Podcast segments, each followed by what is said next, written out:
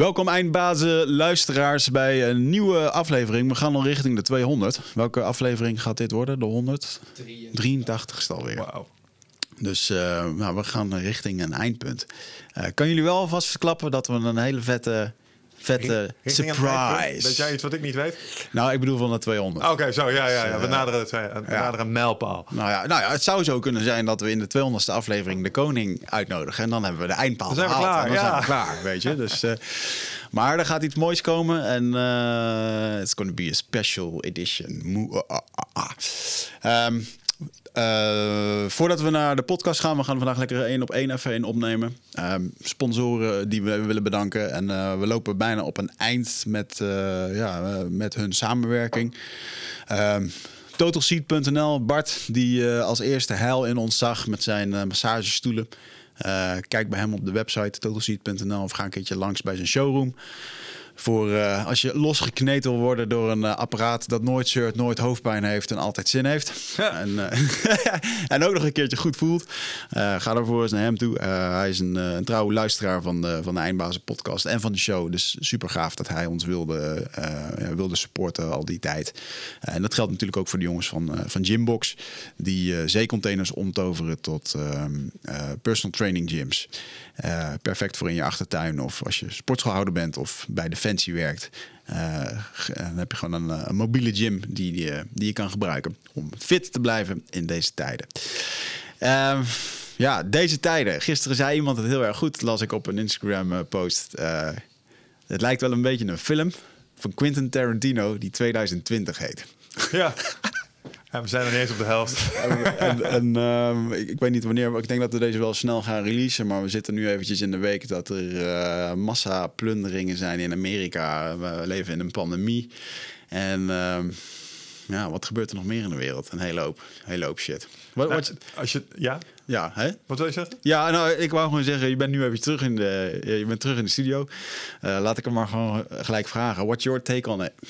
Op alles op dit moment. Ja, er gebeuren boel verschillende dingen. Dus de, dat moet je per stuk uit, uitpakken. Mm -hmm. um, laten we beginnen met hetgeen wat het meest actueel is. Uh, Amerika uh, staat in uh, vlam, zullen we zeggen. Er zijn daar zware rellen gaande. Mm -hmm. En ja, even los van waarover ze nu met z'n allen aan het demonstreren zijn... zie ik een paar dingen waar ik iets van vind. Um, ik vind wat ik nu zie in termen van leiderschap in Amerika ik zit soms echt te kijken naar van... wauw, dit, dit, hoe kan dit zo, zo slecht zijn? Zeg maar, als ik zie hoe Trump zich nu manifesteert... Wat je zou verwachten van iemand die president is in dit soort tijden... zie ik echt een gedrag dat is gewoon bijna clownesk. Dat je echt denkt, dit, echt serieus? Echt, dit is wat je gaat zeggen? Dit is wat je gaat doen? Wauw, vreemd. Kan je een voorbeeld noemen?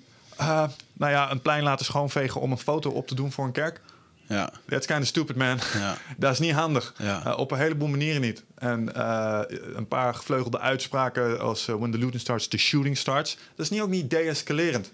ik, zie, ik zie een Obama dat anders beantwoorden en slimmer aanpakken. In, Ja. Want die tweet ook gewoon vrolijk mee.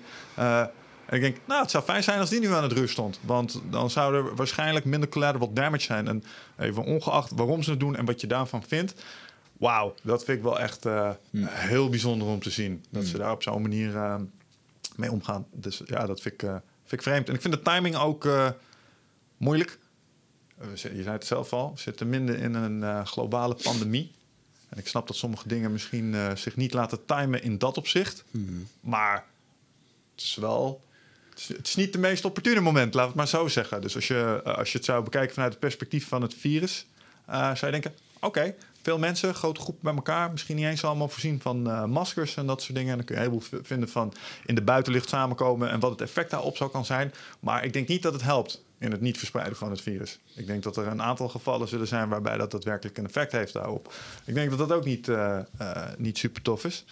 En ja, ik zei het net al voor de grap. 2020 is pas voor de helft om.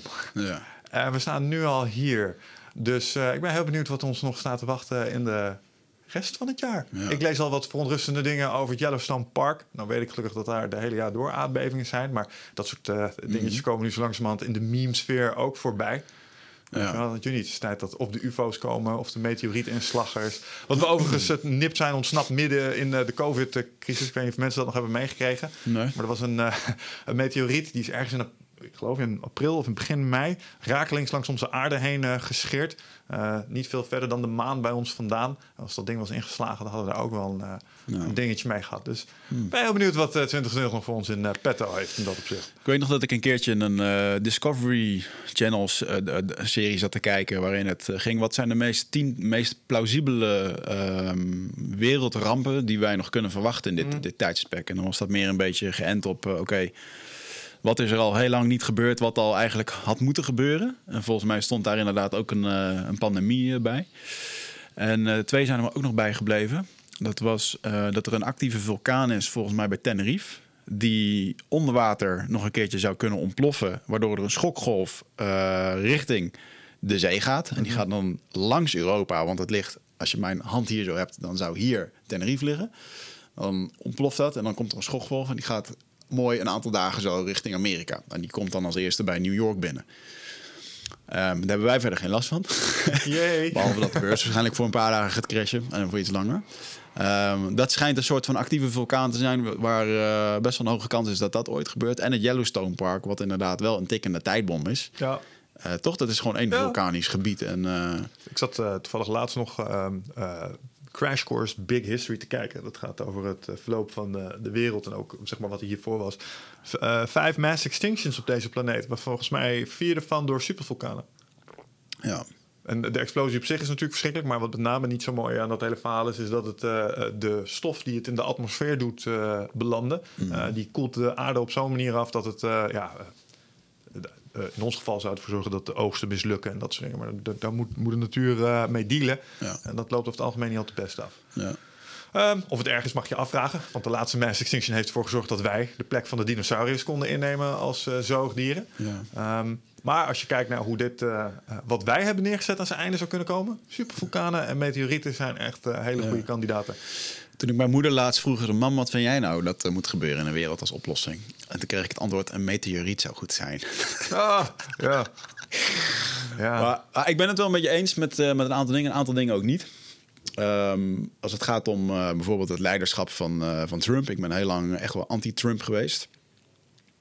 Um, om meerdere redenen en nog, nog steeds wel over bepaalde punten. Uh, maar ik zie ook wel dat um, Trump heel erg wegbeweegt van gebaande paden die in de afgelopen tientallen jaren door de democratische partijen uh, neergezet zijn. Allerlei samenwerkingen en dingen. Dat is een heel mooi betoog wat hij ook heeft gehouden in, zijn, in de aanloop van zijn verkiezingen. Waarin hij gewoon letterlijk zei van jongens, ehm, de politiek die is zodanig verkloot. Zodanig alleen maar samenwerkingen van grote bedrijven Ehm, en dan vooral neergezet door bijvoorbeeld de, de Clintons en, en andere democratische uh, leiders.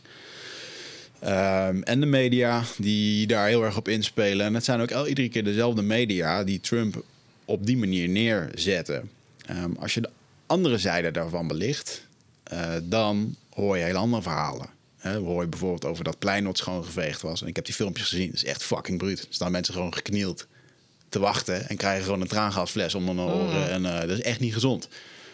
Uh, anderzijds hoor je dan van de andere media dat Trump niet had gewild dat dat plein leeg geveegd werd.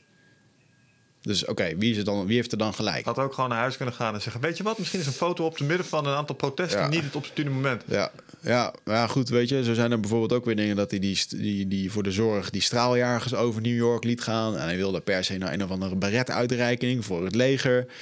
Uh, ten tijde van de pandemie, terwijl niemand er eigenlijk op zat te wachten. Zo van, uh, ja, oké, ga je bezighouden met die pandemie, weet je wel. Mm -hmm. Anderzijds vind ik het heel goed dat hij heeft gedaan met die World Health Organization. Om daar gewoon uh, tegen te zeggen dat ze hebben gelogen, dat ze niet juiste dingen hebben gedaan, dat het niet pluis is en dat hij ze gewoon, dat hij ze wel op het matje heeft geroepen. Of het helemaal juist is om ze helemaal uit te sluiten, um, weet ik ook niet, want ik weet daar ook te weinig van. Maar ik heb wel het idee dat hij uh, beslissingen durft te nemen die anderen, om aardig gevonden uh, te blijven worden, niet zou nemen. En, um, en, daar moet ik hem toch wel in zeggen dat hij toch wel uh, in mijn ogen maakt hij daar een juiste beslissing. En wat vind je van de dingen die hij doet op het gebied van bijvoorbeeld uh, Obamacare? was een stap richting een iets meer uh, een iets uh, rechtvaardiger zorgstelsel daar. Uh -huh. je heel bewust uit een soort wrok, je dat gewoon de nek omgedraaid. Dus, dus, dus zeggen ja, weet je wat, burgers en zorg, ja, is je eigen verantwoordelijkheid. En ja, jammer dat als jij wordt opgenomen in het ziekenhuis om een blinde darmontsteking, dat jou dat 100.000 kost en dat je daar feitelijk mee bankroet bent. Vind ik niet erg.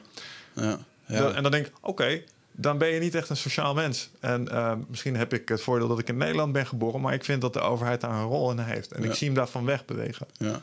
Um, dat is één voorbeeld. Een ander voorbeeld wat ik belangrijk vind is. Uh, hij heeft actief zijn best. Hij wilde de kolenindustrie weer opstarten. Ja, oh, ja ook die, die oliepijplijn bij die Indianen wilde Deze dude denkt niet in de lange termijn. Deze, ja. deze gast denkt uh, in termen van korte termijn, uh, herf, misschien herverkozen worden, maar uh, eigen zakken spekken, dat zie je ook wel. Hij zet zijn eigen familie en in-crowd op plekken van macht. Ja. Tegenspraak wordt zorgvuldig geëlimineerd, keer op keer. Dat zijn tekenen van een dictator.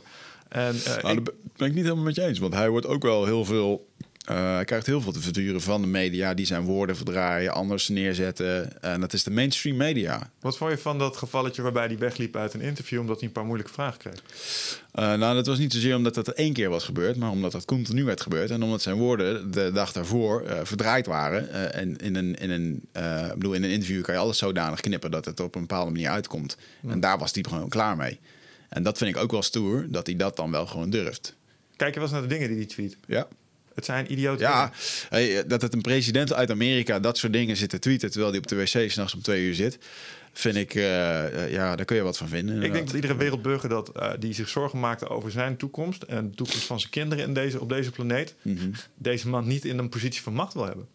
En, en dan we hebben het nog niet eens over het. Weet je wat ik echt denk? Ik weet niet of het bewezen is inmiddels. Mm. Maar als jij Amerika op zijn knieën zou willen dringen, dan kun je dat op een paar manieren doen. Economisch, middels oorlog, dat is moeilijk, want daar zijn ze heel goed in. Of je zit zo'n pipo op een plek van macht en die laat je van binnenuit alles stelselmatig slopen. Het land daar, als ik vanaf zie, is nog nooit zo verdeeld geweest. Nee, Nog okay. nooit. De economische stukken zijn fenomenaal. En er zijn machten op deze planeet die dat echt geweldig vinden. Mm -hmm. De Chinezen kijken naar denken, ik weet niet wat je aan het doen bent, maar uh, je begint steeds meer op ons lijken, broertje. Uh, en, en de Russen al helemaal. En ik weet, ik weet nogmaals niet of het bewezen is, maar er zijn sterke aanwijzingen dat hij gewoon in Poetin zijn zak zit. Mm -hmm. Oké, okay, maar. Wil jij zo'n persoon in een positie van macht zetten? Ik zeg dat is onverstandig. Nou, um, ik denk dat het goed is geweest ten opzichte van wat er in de vorige jaren is gebeurd. Want wat je nu ziet, is niet het resultaat van Trump, maar is het resultaat van de afgelopen 20, 30 jaar politiek in Amerika. En er komt nu een hele hoop naar buiten wat daarin fout is gedaan. En dan bijvoorbeeld Obamacare. Um, ik, ik, moet eerlijk zeggen, je stelde net de vraag. Ik weet er niet alles van. Ik weet nog wel dat ik in Amerika een keer was. Toen, uh, toen bij Ondert heb ik het te veel over gehad met uh, Uber-taxichauffeurs. Toen was ik eigenlijk heel erg verbaasd dat bijna iedereen zei van ja, ik ga op Trump stemmen. En ik echt dacht, hoe de fuck kan je dit doen, weet je? En uh, toen was ik eigenlijk helemaal niet zo met politiek bezig. En zeker niet daar.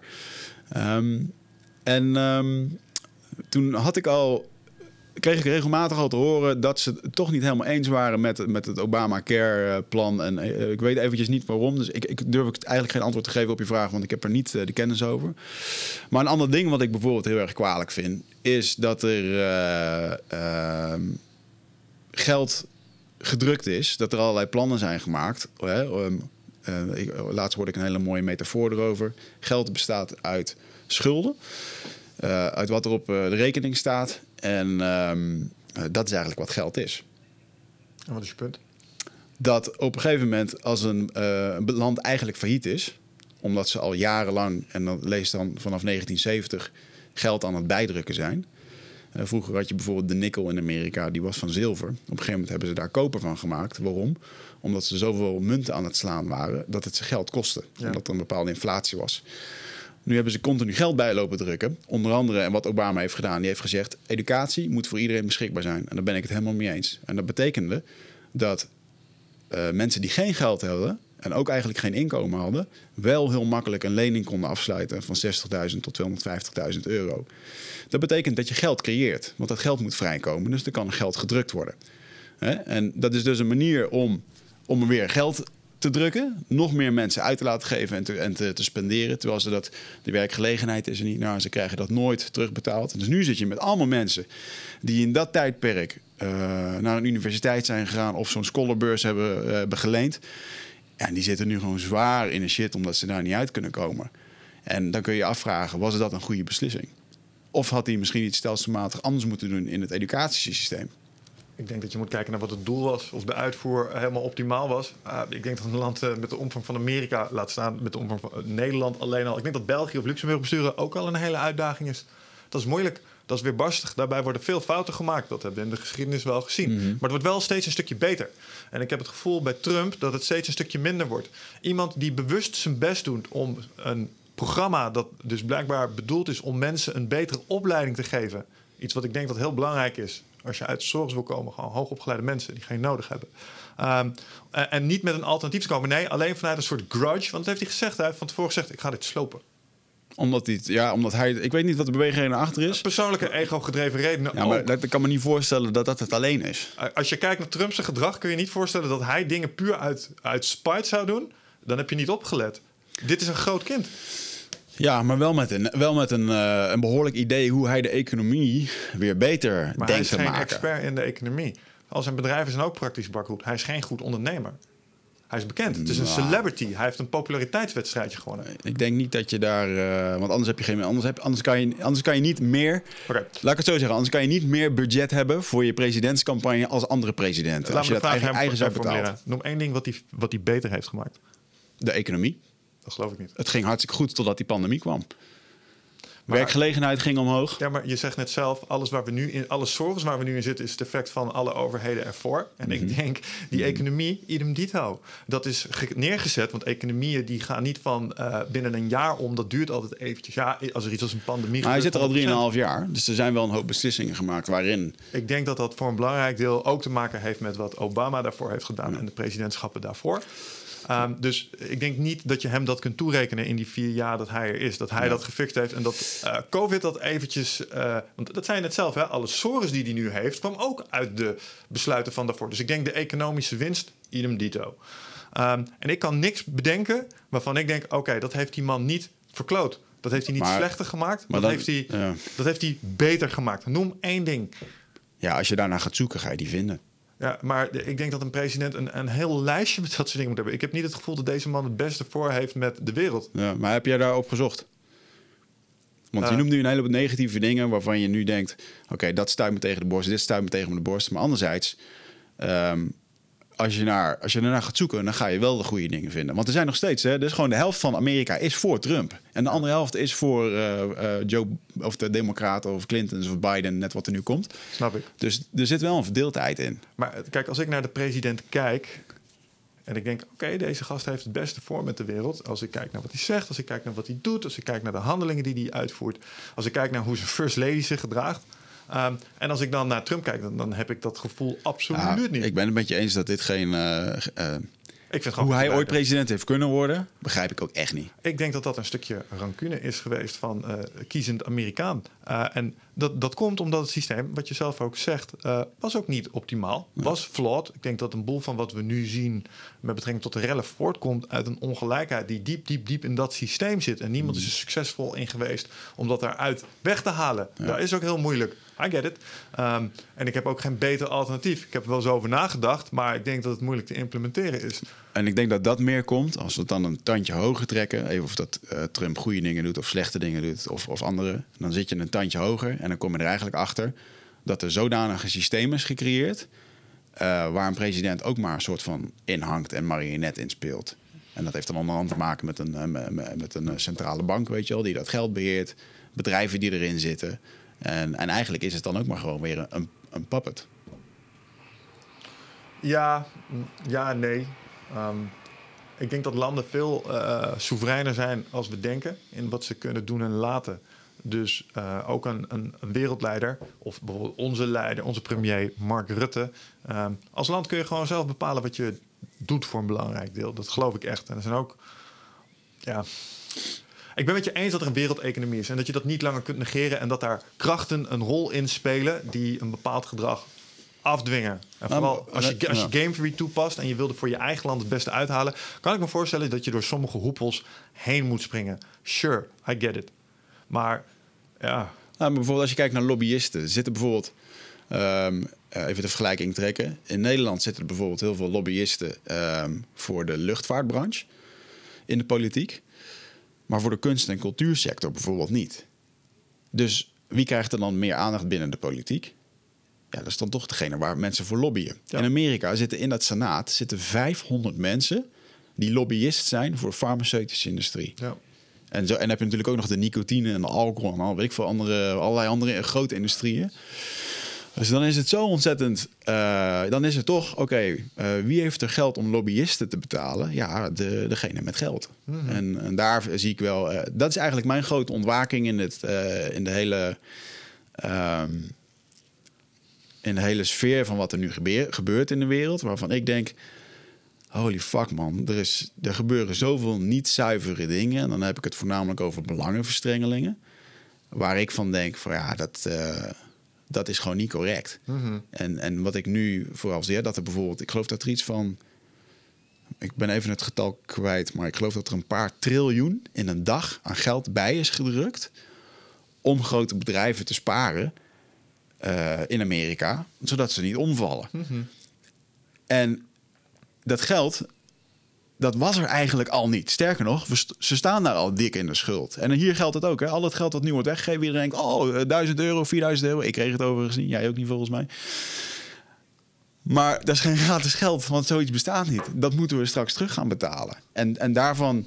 Ik denk dat we nu heel erg in een... eh, eh, Jan, eh, Jan die zei het heel erg mooi, hè? Het, het, het moreel, het stukje moreel. Dus het gaat er eventjes niet zozeer meer om of dat het over nu racisme gaat, of dat het over geld gaat of belangenverstrengelingen, maar meer over gewoon het feit goed of fout. En ik denk dat er een hele hoop dingen gewoon echt zwaar fout zijn. Onder andere eh, een paar triljoen dollar in een dag erbij drukken voor eh, eh, wat gewoon gebeurt binnen vriendjespolitiek. Waardoor een land gewoon afstevend echt op een economisch drama. Ik denk ook dat het fout is dat de farmaceutische industrie zo ontzettend verweven is met een World Health Organization.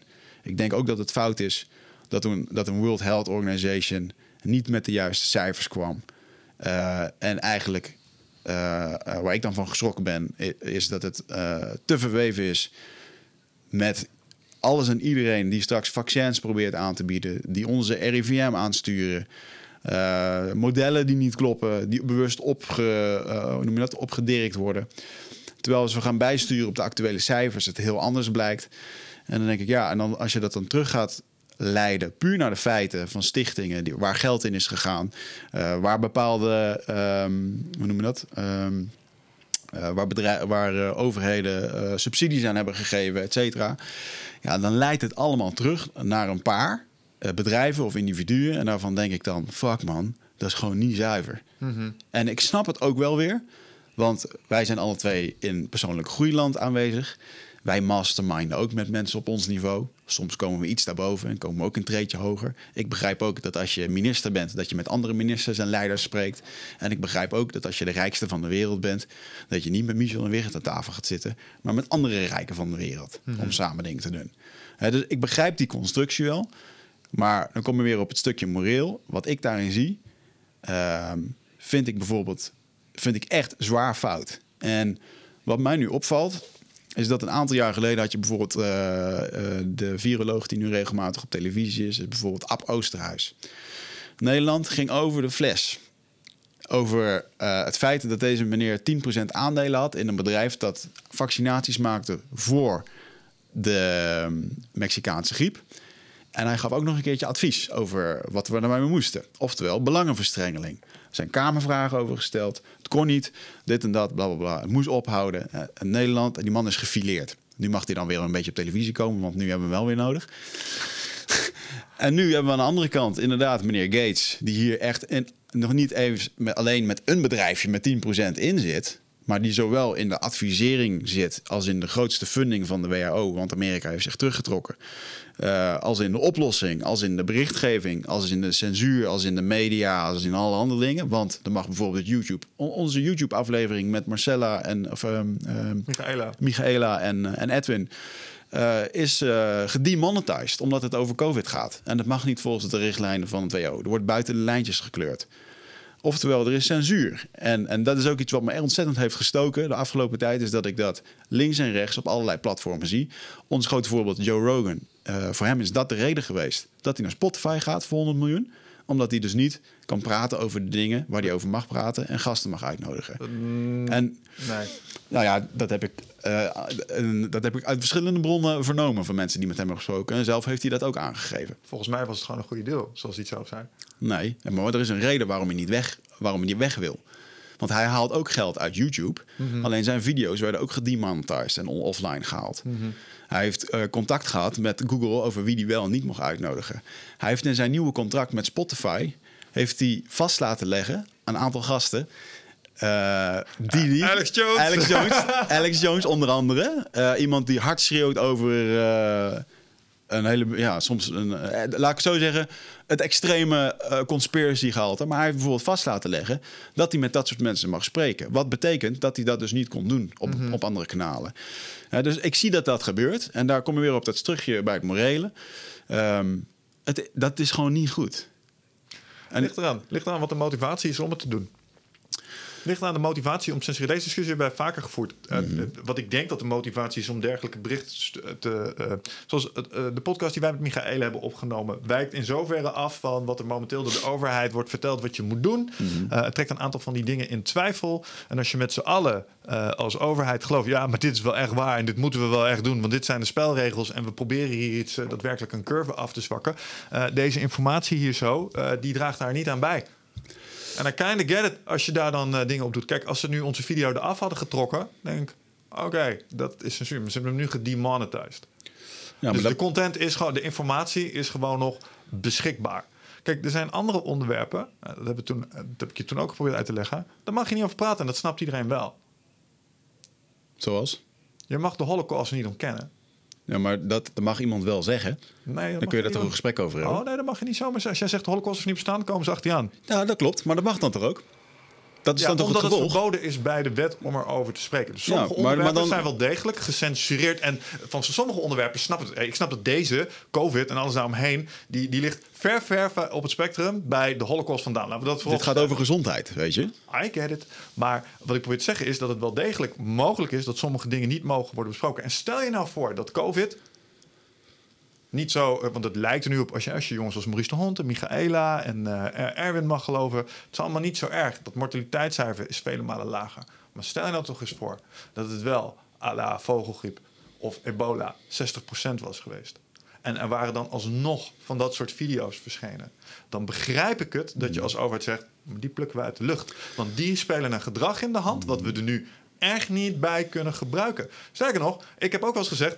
volgens mij moeten we een aantal grote problemen in de wereld... op deze manier gaan tackelen. Want we kunnen mensen heel makkelijk het slechte gedrag insturen... met allerlei algoritmes op Facebook. Waarom sturen we ze niet een beetje het gunstigere gedrag in? Als het bijvoorbeeld gaat om climate change... en misschien hier ook wel. Nogmaals, ik denk dat het met COVID... kun je het van alle kanten bekijken. Uh, en zijn er meerdere waarheden, denk ik. Want het, er is ook nog een boel onzekerheid. Maar met iets als de holocaust snap ik het wel. Ja, als het, gaat over, ras- als het gaat over racisme, eh, mensen eh, opstoken om eh, op te roepen tot plunderingen of, eh, of dat soort dingen. eh, I get it, weet je. Dat is een, eh, gaat het weer over goed of fout. Maar ik vind over goed of fout, als er twee wetenschappers ergens over kletsen en wij worden eigenlijk bestraft dat we bepaalde dingen doen. Want hey, ehm, weet je, als je mensen geen geld geeft of niet beloont voor hun werk, content creators, dan gaan ze er geen content over maken. En, en je vergelijking van stel nu dat het een 60% eh, virus was à la ebola. Ja, dat is het niet. Dus we weten niet wat er zou gebeuren, wat mensen zouden gaan posten. En waarschijnlijk zullen een hele hoop mensen zeggen inderdaad... ja, het doet er helemaal niks. Tuurlijk, die zullen er zijn. Maar als er mensen met bloed uit hun ogen en bloed uit hun neus... over de straat heen lopen als een soort zombie... dan, dan was het een heel ander verhaal geweest. En ik denk dat een... eh, wat me trouwens nog wel eh, verbaasde... weet je nog dat in de eerste of tweede aflevering van Eindbazen... Toen eh, kwam ik nog een keertje helemaal beduust eh, binnen, omdat ik een filmpje had gezien van een Afrikaanse ebola-patiënt. Die, eh, die het beu was, die naar buiten was gelopen. En zo van: Ik ga hier niet opgesloten zitten. En dat ze mensen met, echt met hooivorken eromheen stonden: van jij gaat hier niet verder. Dat het echt indruk op me had gemaakt. Het is- een totaal andere casus. Maar en ik denk dus ook. ehm, dat- dat zijn de stel nu eh, ideeën, maar we zitten nu gewoon in een pandemie. En ik zit nu eh, waar, waar dit nu gebeurt. En ik zie gewoon dat cijfers niet kloppen. Eh, het wordt ook continu bijgestuurd. Er zijn een aantal mensen die daar eh, ver voorop lopen. Ik ben onder de laatste tijd ben ik erg gecharmeerd van eh, wat bijvoorbeeld de Maurice de Hond eh, zegt. Waar ik normaal nog wel eens wat van kon vinden van sommige onderzoeken die hij deed. Maar ik vind hem nu heel erg scherp. Ook hij wordt gecensureerd. Eh, daar is hij ontzettend boos voor. Zijn video's zijn offline gehaald. Daar is hij ontzettend pissig over geworden. Ik snap ook dat ehm, YouTube als publieke functie in één keer een soort gatekeeper wordt van gedachtegoed. En eh, freedom of speech, ja, mag iemand zeggen dat hij racistisch is, is freedom of speech. Ja, racisme is echt een onderwerp dat, eh, eh, dat is niet goed te keuren. Maar als je 100% vrij mag spreken wat je wil doen, dan zou je erover mogen praten. Dus, en ik snap dus dat, eh, en ik denk dat iedereen, hè, zowel de politiek als de maatschappij, als mensen, als een YouTube, die, eh, die moeten daar lijnen en bewaken. Maar ik denk, eh, door nu gewoon te kletsen met wetenschappers en vragen te stellen en, en positieve ehm, eh, dingen te bespreken, kritische vragen te stellen, door mensen te laten nadenken. Want ik denk dat de waarheid alleen naar boven komt op het moment als we bijvoorbeeld luisteren naar partij A en de tegenovergestelde partij. Eh, daar eens naar laten, eh, dat we daarnaar gaan luisteren. Hè? Dus het zou bijvoorbeeld heel mooi zijn voor mensen die helemaal anti-Trump zijn, om eens een keertje met mensen te gaan praten die dan helemaal voor Trump zijn. Want dan, dan krijg je gewoon een heel goed beeld over wat er nou in iemand omgaat, waarom die bijvoorbeeld wel of niet op iemand kiest. En ik, en ik vind het nu gewoon. De RIVM geeft bijvoorbeeld ook niet zijn bronnen weer waar hun hun bronnen vandaan halen. Heel veel medici, medici vallen daarover. En daar zijn ze dus niet transparant in. Ehm, een ander ding is bijvoorbeeld dat er in Nederland nu wordt gezegd. Er is nu in één keer een wet aangenomen die ervoor zorgt dat de journalistiek niet meer volledige inzage krijgt over waar, eh, wa- waarom eh, de overheid met bepaalde feiten komt. Er schijnt een soort wet voor te zijn voor de journalistiek. En die heeft, hebben ze nu met die noodwet hebben ze dat afgekapt. Van, van jullie kunnen dus eventjes niet meer met ons in de keuken meekijken. Er is een soort eh, een rangorde in Europa of in de wereld die aangeeft in hoeverre dat de journalistiek objectief is en hoe dat ze mee kunnen kijken. En dat doen ze eigenlijk om het democratische recht ook een beetje Ja, te ja bewaken. dat is een van de belangrijkste En eh, daar zijn we in één keer eh, twee plaatsen mee gezakt. Wereldwijd. Vanwege dat. En, dan, en ja, dat is heftig. Dat is je. kwalijk. Nee, dat is super kwalijk. Ik vraag me af waarom ze dat doen. Dat vraagt iedereen zich af. Maar schijnbaar, de overheid zegt we kunnen het aantal aanvragen niet aan. Maar dat heeft eventjes niks te maken met eh, gewoon zeggen... hé hey jongens, dit zijn onze nieuwe cijfers. We hebben het gebaseerd op dit en dit. Eh, eh, ja, hiermee moet je het doen. En dat wordt dus ook niet meer gedaan. Ja, en daarin denk ik wel, fuck man, dat is echt... ja, dat, dat, dat klopt niet. Ja, ik denk dat je gelijk hebt dat transparantie en vrijheid van pers zijn echt superbelangrijke pijlers binnen de democratie. Dus op het moment dat een overheid, een machtig clubje mensen, dingen niet meer hoeft te verantwoorden en ze worden niet eh, blootgesteld aan de kritische ogen van het publiek, dan gaan daar oneigenlijke dingen plaatsvinden. Daar kun je 100% van op aan. Dus dat ben ik helemaal met je eens. Ja. Als het gaat om waar je het net over had, over YouTube en eh, dat daar eigenlijk alle meningen 100% moeten kunnen worden gedeeld, omdat mensen dan een, ge- een gevarieerd beeld krijgen. Ik denk dat het een beetje naïef is, omdat mensen gaan niet op zoek naar de andere kant van het spectrum. Die gaan alleen maar meer zoeken van wat ze willen lezen. En Nee. ik denk dat daar misschien een beetje de zorg zit. Dat als je al een beetje conspiracy-minded bent... eh, en je staat op het punt van eh, je ongehoorzaam gedragen... wat misschien andere mensen kan schaden... Ja. moeten we dan die informatie waarvan, we 100, waar- waarvan wij nu vinden als machthebbende instantie... maar dit gaat de maatschappij echt niet vooruit helpen. Zeker nog, hij gaat nu dingen doen waarmee die anderen in gevaar gaat brengen... Ik moet wel opereren onder de. eh, ik opereer, laat ik het zo zeggen. De, de reden dat ik deze kan, dingen op deze manier zeg, is omdat ik even vanuit ga dat mijn overheid, de Nederlandse overheid, heeft het even het beste met mij voor. Maar Ga dat ik vind van uit. Ja, vind ik echt een hele slechte gedachte. Waarom? Want als ik naar Nederland kijk over in de geschiedenis. Er is geen betere plek in de wereld om te wonen, maat. Klopt. Echt. Klopt. En, en mensen die lopen te zeiken op de Nederlandse overheid dat allemaal kommer en kwel is. Ga gewoon even een paar weken naar de Congo. En kom op je knietjes terug, smeken of je hier weer mag wonen. Want het is hier mooi. En wees er godverdomme dankbaar voor. Maar dat is wat Ook al- al gaan er dingen mis. Ja, maar dat is wat anders dan eh, een bepaald beleid voeren als ze zeggen gezondheid staat voorop. En wat ze dan vervolgens doen is, eh, als gezondheid voorop stond, dan hadden ze nu de belasting van de groente en fruit afgehaald. Dan hadden ze meer sportfaciliteiten gedaan. Iedere avond om zes uur was er dan op Nederland 3 een mevrouw die steps deed, zodat mensen dat thuis mee konden doen. Eh, dan werd er een dikke tax op suikerproducten gedaan. Dan werd alcohol en nicotine werd eruit geflikkerd. Al die lobbyisten die kregen geen kans. Dan ben je bezig met gezondheid. En nu, als er een pandemie is, door iedereen thuis neer te zetten, uit het zonlicht te halen, al dat soort tips, weet je wel. Het wordt gewoon niet gedeeld. Hebben- Kijk naar, luister naar Ralf Moorman, luister naar Richard Telet, luister naar andere medici, naar, en naar die Edwin die, waar, die we hebben geïnterviewd. Het heeft niet te maken met gezondheid. Het is nu allemaal een soort van, hey, eh, we moeten nu op veiligheid inspelen, maar aan de onderkant ben je dus niet met gezondheid bezig. Ik denk dat wat ze in de afgelopen acht weken, twaalf weken hebben gedaan, gelet op de omstandigheden waar ze in zaten, was het 100% optimaal? Nee. Was het effectief? Ja. Ehm, zijn, was er ruimte voor verbetering geweest? Zeker. Kon dat op het moment dat ze sommige besluiten hebben genomen met de informatie die ze hadden? Nee. En ik ga er nog steeds van uit dat hun intentie was om zoveel mogelijk Nederlanders niet dood te laten gaan hieraan. En ik denk dat ze dat goed hebben gedaan. In de gesprekken met Michaela en Erwin komen we erachter. Oké, misschien waren ze wat voorbarig in sommige dingen. Maar heel eerlijk, als je kijkt naar het ding waar Erwin helemaal enthousiast over was, het Zweedse model. Daaruit constateren we nu inmiddels ook alweer uit cijfers, gewoon onderbouwd, dat het misschien toch minder optimaal is als we hadden gedacht. Dus een aantal van de interventies die we hebben uitgevoerd om die curve plat te krijgen, die waren heel nuttig. Maar En die waren met ons, onze gezondheid in het achterhoofd. En daar ga ik vanuit. Ja. Nou, dat is twee, ik denk dat dat tweeledig is, want van Zweden, ik weet, ik weet niet, ik heb eigenlijk niet gevolgd wat nu daar de update is waarom het slecht zou gaan. Maar we zitten er nog middenin. En we gaan, ik wil het graag over twee jaar eens een keer zien. Want dan heb Dan je het ook, je dan heb je, dan heb je, weet je het ook economisch en dan weet je het qua schade en qua. Hè? En als ik nu inderdaad ook gewoon zie, eh, ik geloof de antidepressieve pillen en dat soort dingen is met 40% omhoog gegaan. Eh, eh, jongeren die normaal eh, onder begeleiding zitten en zo zijn spoorloos, weet je wel. Het is allemaal een soort. Mijn broer. moeite met. eigenlijk is die gewoon autistische trekker natuurlijk ook. Die, heeft ons, die, die gaat kapot in zo'n klimaat waar in één keer alles anders is. Snap je? Dat snap ik. En er zijn hele tragische gevallen, ook in de ouderenzorg te noemen, die, Ja. die verschrikkelijk zijn. Maar ja, we zitten wel midden in een pandemie. Mhm. Dus dat is verschrikkelijk. En, en ik ben het ook met je eens. Kijk, ehm, ik kan het er niet mee eens zijn wat, dat de overheid het anders moet doen. Ik ben wel van mening. Ik zou liever zien, maar dat is misschien het stugge apparaat van een overheid. Is dat de mensen die die beslissingen maken, die in dat managementteam staan, ja, die, die doen echt wel hun best. En eh, dat geloof ik ook wel. En die hebben hun bronnen en die zijn ervan overtuigd dat ze het goede doen. Of ze het goede doen, ik weet het niet. We gaan het zien. Ehm daar geloof ik ook wel in. Anderzijds denk ik wel dat het goed zou zijn dat als jij en ik hebben een bedrijf samen, dat als wij een bepaalde doelstelling stellen, dan we stellen die doelstelling, we gaan erheen. Maar als we gaandeweg moeten gaan aanpassen, dan moeten we dat doen. En ik heb nu wel heel erg het gevoel dat we ontzettend vasthouden, bijvoorbeeld aan de modellen van de WHO, die veel te hoog waren ingeschat, eh, die gewoon niet klopten. En daar heeft Trump bijvoorbeeld wel iets goeds in gedaan, waarin hij gewoon heeft gezegd van jongens, dat zijn gewoon modellen die zijn gesimuleerd. We hebben nu echte data. We kappen nu met die modellen. We gaan hierop sturen. Maar dat doen we in Nederland ook.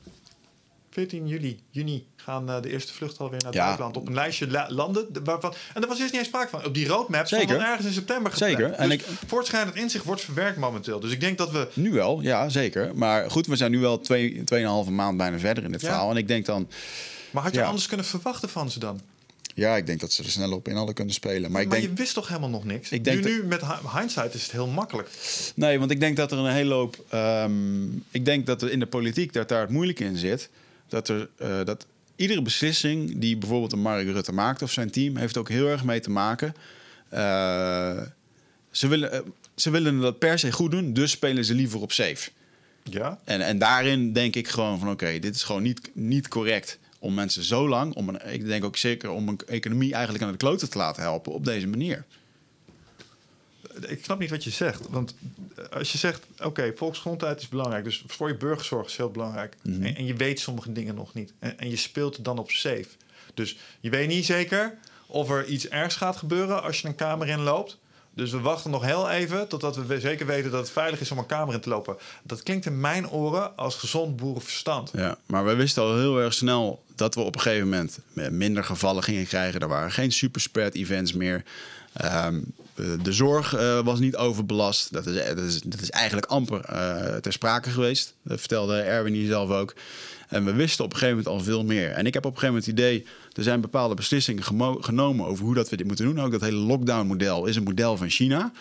En weet je, ik, ben- ik ben het gewoon niet mee eens... dat we daar aan vast blijven houden. Terwijl Ook we, niet als het effect gehad heeft. Dat weten we nog niet. Nou, we zien een je, je hebt de cijfers toch gezien? Ja, tuurlijk. Het kan wel, een- dat, daar hebben we wel een effect in gehad. Maar we weten niet of dat we het anders of dat we het soepel hadden kunnen gaan. Ik ben benieuwd, hè, want we krijgen er waarschijnlijk toch nog een tweede golf. Ik, ik, ik durf daar 100 euro met jou om te wedden dat we in september, oktober een tweede golf krijgen. Sure. Maar even los van die lockdown. Als je kijkt naar alle lockdowns in de wereld. Ja, en je, je rankt ze van 1 op zijn Chinees tot 10.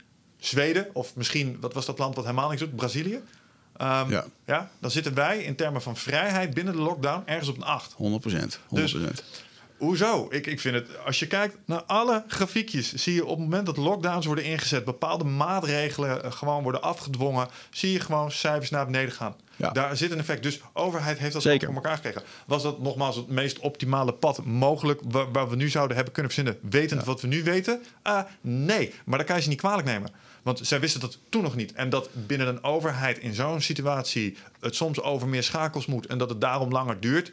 Prima, maar ik vind het in twaalf weken nog, nog steeds redelijk snel gegaan. Maar ik vind bijvoorbeeld, de, de, hè, want we zeggen nu bijvoorbeeld, er mogen geen grote evenementen meer komen voordat er bijvoorbeeld vaccinaties komen. Dat is gewoon nu al een beslissing. Ik zag een filmpje van Hugo de Jonge, waar een meneer die loopt daar naartoe en die, die zegt van, joh meneer, bent u zich ook bewust? Kijken jullie ook naar andere oplossingen of medicijnen naar die vaccinaties? Eh, nee, we, we wachten gewoon op de vaccinatie, was het antwoord. Dus er is geen, er is geen, eh, geen bewegingsruimte in dat speelveld. Terwijl een hele hoop wetenschappers zeggen van ja, maar je, je kan ook heel erg gaan inzetten op voorkomen. Op bijvoorbeeld de testen in Nederland. De landen waar het heel snel, met de lockdown of niet, ja, iedereen ging in lockdown, dus iedereen in lockdown. Waar dat heel snel omlaag ging, was omdat er massaal getest werd. Ja. En dat zouden ze moeten doen. En hier ook. En nu pas, sinds afgelopen maandag kan je kan je ervoor bellen. Ja, maar dat, Weet je? ik denk, ben je wel eens in een laboratorium geweest? Ja, ligt eraan in wat voor vorm. Nou, ik heb het voordeel gehad dat ik, ik heb, eh, hoe heet dat, eh, medisch diagnostische centra hebben ondersteund destijds bij Topicus. Ik heb wel eens in een bloedlab gelopen.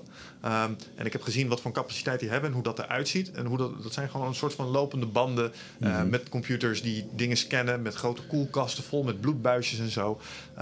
In Nederland kunnen we binnen best wel korte tijd uitslagen krijgen. Maar het is nog steeds wel even een procesje. En zo even een laboratorium uit de grond trekken, zodat je 3000% meer testcapaciteit hebt, dat doe je niet in een week. Dat is naïef. Nee, maar wel in een En- maand. Eh, ja, en dat hebben we zo goed als ook gedaan. Ja, dat vraag ik me af. Of dat, Maar dat, we, zitten eh, nu, we zitten nu 2,5 maand verder en we hebben die testcapaciteit. Had het sneller gekund? Ongetwijfeld. Ja. Was het effectief geweest in, in eh, minder, meer of minder besmettingen? Nee, wat had het beïnvloed? Het sterfelijkheidscijfer. Ja. Maar wat wilden we met name? Zo min mogelijk zieke mensen op de IC's. Dat was het doel. Mhm. Niet de Nou, oké. sterftecijfers zo Nee, nee, nee. Dus ik ben het helemaal met je eens, ook met die IC's. En dan kijk, een ander ding wat ik gewoon super slecht vind... is dat zo'n, eh, eh, die, de cijfers die worden getoond in de media... dat is gewoon ziekmakend. Sure. En daar heb ik me ook aan geïrriteerd. Want eh, in de periode, vooral in de beginperiode. eh, ik ging niet meer naar nu.nl. Het enige waar ik nog heen ging waren websites waar je uplifting nieuws zag. Want waarom? Daar hadden ze het ook over het aantal genezen mensen. En- En op eh, die ene grafiek die iedereen eh, wel heeft, eh, die ene website waar iedereen vaak heen ging, waar je alle besmettingen over de hele wereld heen kon zien, daar stond ook een grafiek met het aantal genezingen. En die ging ook pap. Ja. En, en daar heb ik nu.nl geen stijl. Geen van die websites heb ik daar ook maar iets over horen zeggen. Ja. Ehm, er zijn mensen van 111 jaar oud zijn genezen van COVID in de eerste weken al. Het is dat ik op die websites kwam waar dat gerapporteerd werd. Maar dat heb ik nooit ergens anders teruggezien. Dus er werd volledig op het negatieve aspect ingezet. En dat vind ik verwijtbaar. Want ik durf te beweren dat er nu mensen zijn die... Want het heeft mij mentaal ook een tik gegeven op een gegeven moment. Die daar, en, en ik heb misschien de mazzel gehad dat ik door alle mensen die ik hier heb gesproken... eh, daar iets mentaal weerbaarder in ben geworden. Maar ik weet zeker dat er nu mensen straks met traumatische krachten rondlopen... omdat die bangmakerij ze zoveel stress heeft gegeven. Je zei het zelf al, consumptie van antidepressiva Ja. eh, is eh, toegenomen. hey, dat is een zeer kwalijke zaak. Mhm. En je moet je inzetten ook op de positieve kanten van het verhaal. Maar tegelijkertijd, dat vond ik zo krachtig aan bijvoorbeeld de persconferenties van Rutte. Ehm, het was geen bangmakerij. Het was kordaat, het was strak, het was gewoon op de feiten. Ehm, en ik vond de media veel meer daarop inzoomen. Ik vond de media ook hele slechte vragen stellen bij hem. En ik snap dat. eh, ik denk dat Rutte de juiste, op de juiste manier heeft gepresenteerd. ehm, op zijn ehm, pre- eh, eh, presentaties. Ehm, ik blijf erbij verbaasd waarom de overheid niet gewoon blijft hameren op jongen. Zorg dat, die, zorg dat je immuunsysteem omhoog gaat. eh, eh, de preventie ervan, bij wijze van spreken. Daar vind ik echt dat ze daar kansloos in gefaald hebben. Eh, in plaats van iedereen thuis gaan zitten laten wachten totdat er over twee jaar misschien een keer een vaccinatie is die niet gaat werken, omdat het toch weer vervormt. Of weet je, gewoon, het is gewoon fucking bullshit. En dan, ja, dan, dan zit daar toch een bepaalde agenda achter waar ik me niet lekker bij voel. En wat is die agenda dan volgens jou? Ja, iedereen vaccineren. En Dus wat, wat ik nu uit zie rollen hier is eh, aan de achterkant is de grootste advertentiecampagne van de farmaceutische industrie ooit. En die, ontv- die ontvouwt zich gewoon eh, omdat die farmaceutische industrieën onder andere ook de World Health Organization funden. Ook al die onderzoeken aansturen, eh, daar geld in pompen. En het gaat over miljoenen, triljoenen, biljoenen. Oké, dus wat je zegt is, en dan moet je goed nadenken over wat je zegt. Mhm. Dit is bewust gehyped, zodat er straks meer geld kan worden verdiend. Ja, dat durf ik te zeggen. Oké. Dat zie ik. Dat is wat ik zie. Oké, vind ik een hele boute stelling. Eh, de tijd zal het leren. Ik denk niet dat dat klopt. En ik denk dat je een aantal mensen echt gruwelijk tekort doet als je dat zou zeggen. Ik denk dat er een aantal mensen werken die bij de farm- farmaceutische industrie zitten, die nu keihard werken om hier een vaccin voor te vinden. Eh, dat dat oprecht goede mensen zijn die daar werken, die, met daar, die sowieso bij die vaccinatiebedrijven werken, die daar denken we doen hier wat goeds. En, en dat, dat zal in veel gevallen ook zo zijn. Nogmaals, ik ben geen antivaxer. Maar ehm, als ik dan zie wat erachter speelt en hoeveel geld dat erin gaat en dat mensen zich eh, propaganderen van nou, we zijn hier echt het goede aan het doen, maar we moeten wel echt, eh, we kunnen niet meer samenkomen, want iedereen moet straks zo'n vaccinatie, anders kunnen we niet meer samenkomen. Terwijl dat eigenlijk gewoon niet nodig is, want dat kan ook vanzelf weggaan. Dat weten we allemaal nog niet. Nu wordt het gepresenteerd als de enige oplossing. En als er straks miljoenen in een vaccinatiebedrijf zijn gepompt, wat er nu bij heel veel, ik geloof dat er 73 bedrijven mee bezig zijn, die aandeelhouders die willen dat geld terugverdienen. En dat gaan ze op een manier fixen. Hoe kunnen ze dat fixen? Onder andere door bijvoorbeeld lobbyisten flink aan te sturen dat we nog niet van corona af zijn en dat we er nog lang niet mee klaar zijn. En dat er dus gepusht moet worden voor die vaccins. Dat is wat er gebeurt. Luister man, ziektes besta- eh, ontstaan spontaan. En even los waar, waar, waar, deze, waar dit virus eh, concreet van laten we van uitgaan dat het helemaal eh, door eh, op een natuurlijke manier, door dieren en Maar dat ben ik ook. Dat geloof ik ook. niet uit een lab Nee, dat geloof ik dat ook. soort Dat geloof ik. Dat geloof ik ook. eh, Dat geloof ik ook. Kijk, En- er zijn nog steeds bedrijven die verdienen centjes aan de vaccinaties die mazelen en eh, polio eh, eh, bestrijden. En daar heb ik geen probleem mee. Mhm. Maar dat is een ander verhaal. Nou, het is ook gewoon ziektes die zijn ontstaan in moeder natuur die we met vaccinaties hebben bestreden. Volgens mij ik, zie, ik, zie, ik zie COVID niet als dat is gewoon een, een, zoveelste ziekte in een lijn met ziektes waar we een vaccin voor verzinnen. En dat het nu in het globale eh, speelveld, toneels, zeg maar op het internationale theater, iedereen kan meekijken hoe dat dan gaat in die farmaceutische industrie. Mhm. En dat er ineens een meneer die zich zijn hele leven al bezighoudt met het vaccineren van enge ziektes, eh, dan ineens besluit: oké, hier ga ik op inzetten, want dit is belangrijk en dit is iets wat ik al een tijdje roep wat kan gebeuren. Want overigens al een heleboel mensen moeten hebben je boeken over geschreven. hè, dat dit al een eh, dat, daar, daar, dat vind ik ook niet zo bijzonder. Ik bedoel, want ik kan nu ook op een eh, TED-podium gaan staan en roepen... jongens, ooit gaat er weer een oorlog komen. En dan ja, ben ik ook geen alziende. Ik bedoel, tuurlijk. Nou ja, lang verhaal kort. ehm, dat de centjes worden verdiend met En, vaccinaties. en either way, hè, als, nieuws. dat hij de beste intenties eh, heeft eh, van zichzelf, dat hij dat denkt... eh, dat, dat geloof ik helemaal. Maar... Nogmaals, ik kom terug op die belangenverstrengeling waarvan ik denk, ja, daar gaan beslissingen ge- genomen worden die niet over de gezondheid van de mens gaan. Ik denk dat jij je moet afvragen, de volgende vraag. Want ik herken de fase waar je in zit nu. We hebben deze discussie over de telefoon ook gehad. Kijk, ik heb een paar jaar geleden heb ik, heb ik een soort gelijk dat ik die hoek in dook dat ik zag, jezus, wat, ga, wat gebeurt hier allemaal met de, met de nationale bank en eh, met, met grote bedragen en met interest en compounding en de, de hele economie is hol. En ineens zie je het overal terug. En als je wat verder terugkijkt in de geschiedenis, dan zie je, ja, oh, eens eventjes. Ehm, dit, is een, dit is eh, alleen een andere vorm van het feit dat als mensen samenwerken en mensen macht krijgen, dat besluitvorming oneigenlijk wordt, dat besluitvorming eh, een beetje ja, nepotisme in de hand speelt. Eh, Zeker, man. eh, eh, en dat, eh, eh, dat ze zichzelf dingen proberen toe te eigenen. Ik denk dat dat allemaal klopt. En ik denk dat dat in de toekomst, zolang je met mensen te maken hebt, ook altijd zo zal blijven. Want Ja. onze besluitvorming is sloppy. En Mhm. dat komt omdat we alle hoeken in worden gepingeld door, door hoe we gebouwd zijn. Kunnen we niet superveel aan doen. Hè? Waarom zijn zoveel me- mensen bang geworden? Waarom zie je nu in die rellen zoveel eh eh, groupthink en eh, wij versus zij? Ja. ze zijn mensen nou eenmaal gebouwd, man. Zeker. En, en zolang er complexe dingen waar macht en geld verdeeld kunnen worden, blijven bestaan. En er ongelijkheid is en ongelijke verdeling van macht en eh, welvaart. Zal besluitvorming altijd op deze manier troebel zijn, belangenverstrengeling zijn.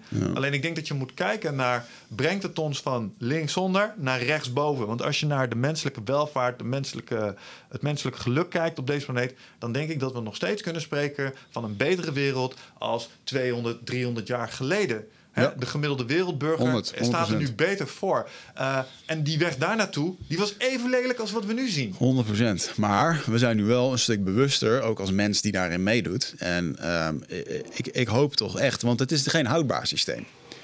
Hè, dat, dit, is, dit heeft een beperkte... Wat je nu dus ook ziet, wat er nu gebeurt in, eh, in Amerika... ehm, oh, onder andere, nu gaat het over racisme en zo... is ook wel een beetje de rekening die men nu gepresenteerd krijgt... van de afgelopen paar honderd jaar. Waar inderdaad het land opbouwen... eh, door middel van misbruik van mindere groepen en dat soort dingen... eh, minderheden moet ik zeggen... eh, dat escaleert dan in één keer in zoiets. En ik denk dat we nu ook wel een beetje op een punt zitten dat de gordijnen een beetje omhoog worden getrokken en dat steeds meer mensen erachter komen dat dingen niet kloppen. Eh, en bijvoorbeeld over en vaccinaties. Ik heb daar laatst eens over zitten lezen. Ik geloof dat er al vanaf 1700 wordt geëxperimenteerd met, eh, met vaccinaties. Dat begon door eh, een sneetje te maken in je arm.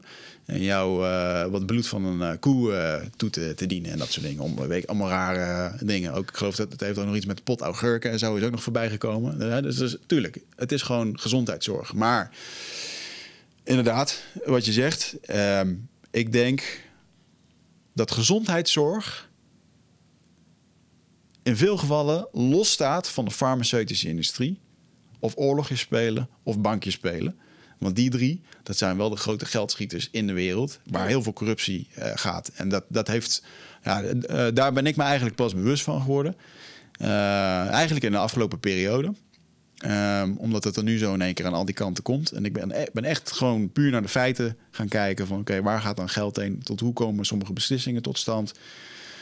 En ehm, ja man, ik, eh, ik vind het wel heftig. Ja. Ja. Ja, en eh, ik, denk, eh, zoals ik al zei, ik heb ook een tijd gehad, zat ik ook te googlen, was ik ook op zoek naar dingen over de Bohemian Grove en wat daar allemaal gebeurde. Wat is dat? Wat is dat? De Bilderberg groep. De Bohemian Grove, dat is waar Alex Jones, waar je het er straks over had, bekend mee is geworden. Mhm. Dat is een feitelijk een groot hotelresort in Amerika. Is afgeschermd en daar komen de Bilderberg groep komt daar samen. Ja, dat is een, een, Oh, elite groep. de elite der elite, onze koningin, die ging er ook heen bijvoorbeeld. En eh, hij heeft een filmpje opgenomen daar van een, ehm, eh, een, een soort ritueel. Ze, ze aanbidden daar met z'n allen in gebaden een heel groot uilbeeld. Een- Ja. de- Alex Jones heeft het uitgeschot, dat schijnt Moloch te zijn, de uilgod uit het oude Sumerië. Dat is de, de superduivel. Ja. Ehm, en daarmee zegt hij, zie je wel, die elites zijn allemaal fucking satanisten. Ja. En het is ook waar dat die lui wel een soort van fascinatie hebben, want dat heb ik ook allemaal wel gelezen.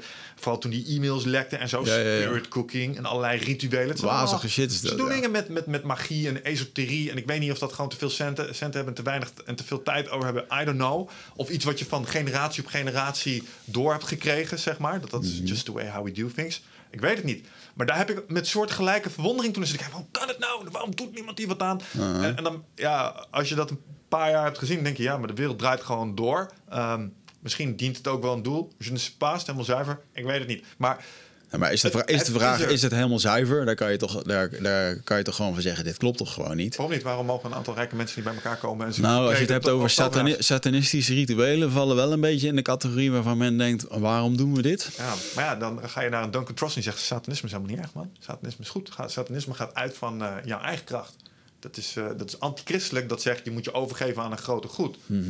Ain't no God, man. It's just nature. Ja. En eh, daar moet je manifesteren. En dat is wat satanisme is. Maar jij, jij, jij weet ook dat de dingen die je daarover hebt gelezen en hebt gezien, dat dat niet helemaal klopt. Hoe bedoel je? Nou, in de manier hoe dat zij dat gebruiken. En ik weet niet of jij toevallig... Heb je bijvoorbeeld die, je hebt die docu gezien op Netflix van eh, Epstein? Ik heb, ik heb het eh, eh, tot de tweede aflevering getrapt. En toen werd ik een beetje depressief van. Want het waren alleen maar misbruikte meisjes. En eh, er kwam een soort Ja. piramidespel tot stand. Maar gaan ze daar ook nog het occulte in dan? Ehm, nee, ze gaan niet dat spectrum in. Ze, ze- dat ze- zou ik nog wel de moeite hebben gevonden om het verder te kijken. Ze hebben zich heel erg. eh, ja, daar komen we natuurlijk ook wel heel erg in het conspiracy gebeuren. Maar ze hebben zich bij Epstein, een, eh, een hele rijke meneer voor de mensen die het niet kennen in Amerika, die met. eh, die echt met alle rijken hing. en echt jarenlang vrouwen misbruikt heeft. En op een eiland, ook ergens in de Caribië. En echt gewoon, eh, nou ja, meisjes trafficken. oftewel minderjarige meisjes in de vliegtuig meenemen.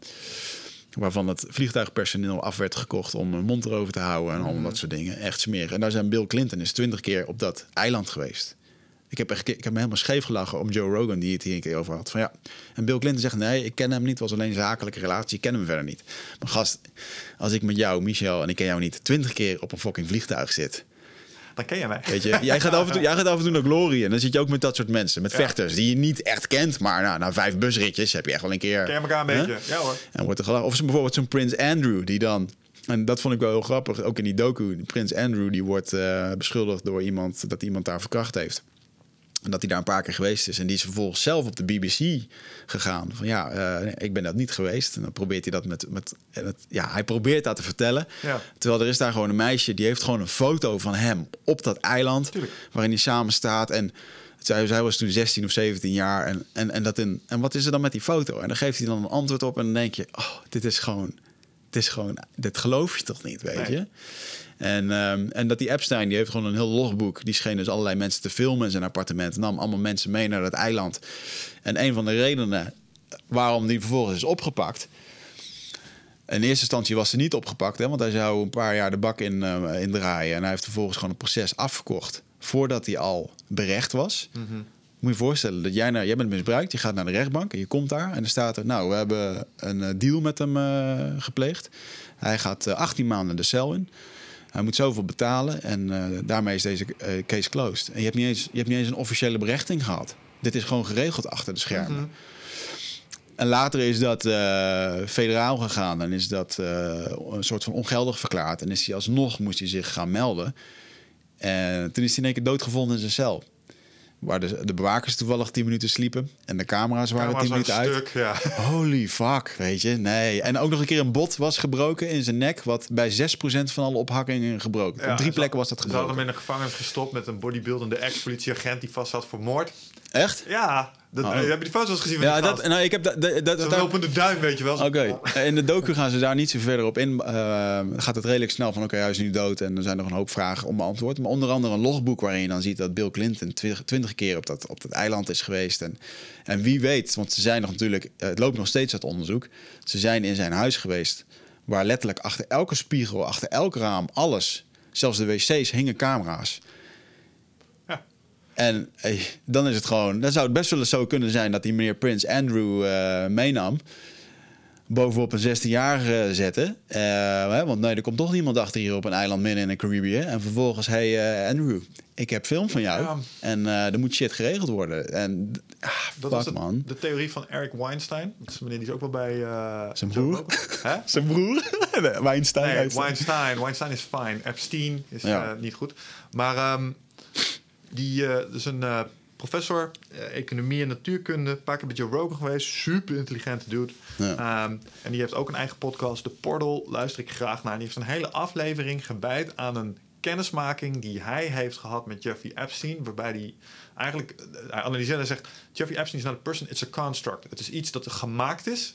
het, is een, het is een rol, een soort van, met een doel. En wat het, hij was een asset. Dus het werd door iets gebruikt Ja. om leverage te creëren op mensen. En wat jij zegt, sluit daar 100% op aan. Want laten we wel wezen, als ik hier een videotape heb van jij die leuke dingen doet met een pot pindakaas en je banaan, dan ben je gauw geneigd om mijn advies over te nemen. eh, als dat ik niet een dergelijke videotape heb. Dan hoor ik mensen gewoon blackmailen. Ik heb macht over ze. Ja. Ehm, en ik denk dat dat, dat dat daar aan de hand was. En ik denk dat ehm, dus die dingen bestaan ook gewoon echt. En dat soort oneigenlijke constructies, die dynamieken, die bestaan.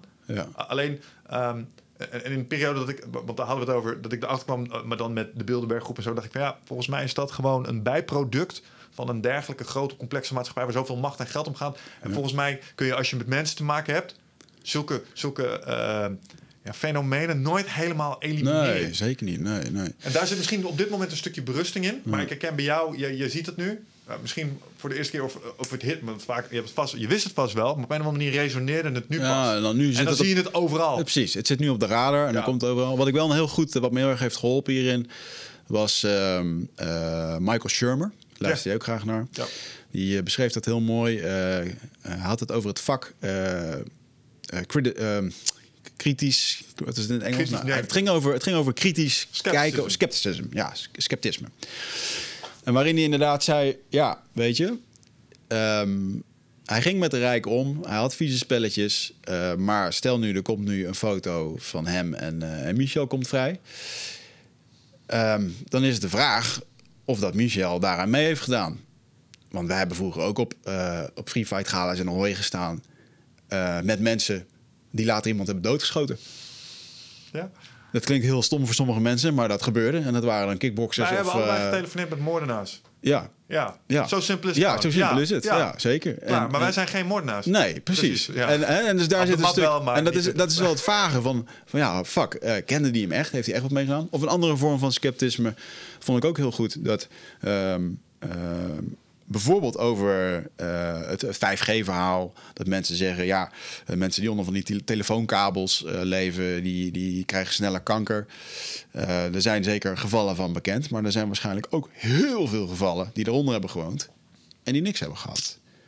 Eh, hetzelfde met vaccinaties zijn schadelijk en niet en dit. Als je ernaar gaat zoeken, ga je dat vinden. Maar er zijn ook honderdduizenden mensen die een vaccinatie hebben gehad en die gewoon oké zijn en geen klachten hebben. Ja. En dat stukje sceptisme, dat, dat heeft mij heel veel lucht gegeven in oké. ja, je kan overal wat invinden, weet je wel. En, en, ehm, maar het neemt niet weg dat kritisch denken en kritische vragen stellen nog steeds eh, daarbij voorop mag Weet staan. je wat mij heel erg helpt? Je moet niet aan eh, kwaadheid van mensen zeg maar, afdoen wat je gewoon aan stomheid kunt, met stomheid kunt verklaren. Snap je? Mhm. Noem eens een voorbeeld. Nou, of, of, stomheid, eh, maar of gewoon door menselijke fouten. Voorbeeld met vaccinaties. Ja, dat was het voorbeeld wat jij aanhaalde. De, eh, er zijn wel eens vaccinaties te vroeg uitgebracht, waardoor een heel dorp, 2000 man of zo. Onvruchtbaar werd. Ja. Was dat kwaadwillend? Of was dat gewoon iemand die, zijn, eh, die, die iets probeerde te bereiken, maar maakte fouten in dat proces? Ehm, medische wetenschap. Eh, het is ook een slordig proces geweest, snap je? Eh, wat je al zei, er zijn tijden geweest dat we koeienbloed inbrachten... omdat we dachten dat dat iets goeds deed. Er zullen een aantal mensen ook wel iets van hebben opgelopen... wat niet de bedoeling was. Nou, dan kom je toch op een moreel. Goed of fout. Is dat goed of fout? Eigenlijk een fout die echt niet gemaakt kan worden. Maar ligt aan de intentie. Ja, ja goed. Ik denk dat een. eh, Je kan wel nalatig zijn en daar kan je mensen voor aanklagen. En dan is het terecht dat ze straf krijgen. Ja. Dat snap ik. Maar ehm, zat er nou een kabal achter van farmaceuten... die per se iets wilden hebben... waarmee ze de rest van de wereldbevolking ook onvruchtbaar konden maken? En dat is een van die dingen die, die ze Bill Ja, Gates eh, verwijt. Van ja, hij heeft een keer een heel dorp eh, onvruchtbaar gemaakt. Of da- daar wilde hij iets mee. En dan lag de verklaring weer net even iets anders. Hij zegt, ja, hij wilde het geboortecijfer naar beneden brengen. eh, in Afrikaanse landen. Dat was racistisch. Nee, wat hij zei is, we gaan ervoor zorgen dat er minder kinderen doodgaan. Want ze nemen nu zes kinderen, omdat er vier gegarandeerd afsterven. En dan hou je er twee over. Dat is game theory. En wat nou als we ervoor zorgen dat je er maar twee hoeft te nemen? Want twee overleven het gewoon in 98% van de gevallen. ja. Bijvoorbeeld. ja, ik snap. Ik, ik, dat vind ik ook een. eh, ik vind het een heel eh, logisch iets dat als je kinderen gewoon gezond bent en je hebt er twee, dan heb je er geen acht meer nodig. Ik zie dat ook bij die Indianen. Dan, eh, dat is gewoon een survival strategie, Ja. weet je wel. Gewoon meerdere kinderen, dan wordt er voor je gezorgd. Dus da- daar geloof ik absoluut in. Ehm, ik denk wel dat je je af kan vragen over. eh, je moet mensen niet als testkonijn gaan gebruiken. En Nee. zo voel ik mezelf nu ook een beetje.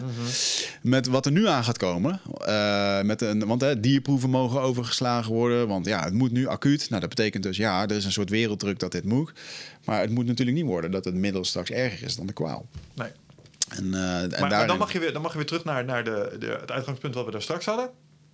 Ik ga ervan uit, dat, en misschien nogmaals is dat een stukje naïef, maar ik ga ervan even vanuit dat de mensen die nu vanuit Nederland, vanuit de zorg, en dan even los van de premiers en de mensen die er een politieke baat bij hebben, die daaraan werken, die straks zeggen: hey, dit kan wel of dit kan niet. Ehm, dat, en, die discussie hebben we ook wel eens gehad, bijvoorbeeld over kinderartsen die vaccinatie doen. Als die mensen ook maar echt het idee hadden dat dat niet goed was voor kinderen, die, die doen dat niet. Maar die worden zo opgeleid en anders worden ze geen arts. Want anders zou je een ander beeld hebben. Ja, dat, maar, ja, maar dat is een zesjarige universitaire opleiding. Dus- en dus die mensen weten wel wat kritisch denken is. Daar mag je van uitgaan. Ik, ik weet nog een keertje dat ik naar de GGD ging voor een eh, yellow flat shoe, eh, yellow, ye- yellow shot flu, hè? yellow, weet ik veel, zo'n gele, gele, probeer allemaal toffe taal hier te doen. Gele koorts. Ja, Ging ik eh, voor naar de jungle, ik denk ik ga eens een shot halen. Mijn eh, holistische bioresonant eh uit, eh, weet ik veel, ergens bij Utrecht, die had me dat geadviseerd om dat toch maar te doen. Nou, toen dacht ik, weet je, ik ga dit gewoon doen. Als zij het zegt, zou het wel goed zijn. Ja. en toen ging ik daar naartoe in Amsterdam. En toen zei ze, oké, je gaat daar en daarheen. En heb je die en die ook dan gehad? Ik zei, echt geen idee. Zegt lang geleden, weet je wel. Zei ze, nou, weet je, doen we die er ook gewoon bij. Kan geen kwaad. En ik stond er naar te kijken. En dat was echt gewoon, ja, sorry als ik het dan zeg. Dat was gewoon ook een chick die ik de avond ervoor in Amsterdam tegen had kunnen komen in de kroeg. Die daar gewoon lekker zit te werken. En die daar gewoon zegt, nou joh, kan gewoon, geen probleem. En ik, en ik zat er echt, ik hoorde het en ik dacht echt, geen, geen probleem. Het is gewoon wel echt een medicijn. Het gaat in mijn lichaam. Het geeft een reactie. Ik kan er Ja. ziek van worden.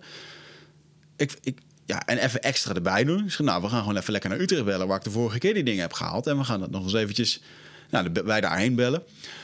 Eh, nee, hij heeft die niet, niet gehad. Ik zei, oh, nou, dan hoeft het niet. Zij zei, nou, is toch mooi, hè? Dan hoef je er toch eentje minder. En ik zat er echt naar te kijken. Ik denk, fuck man.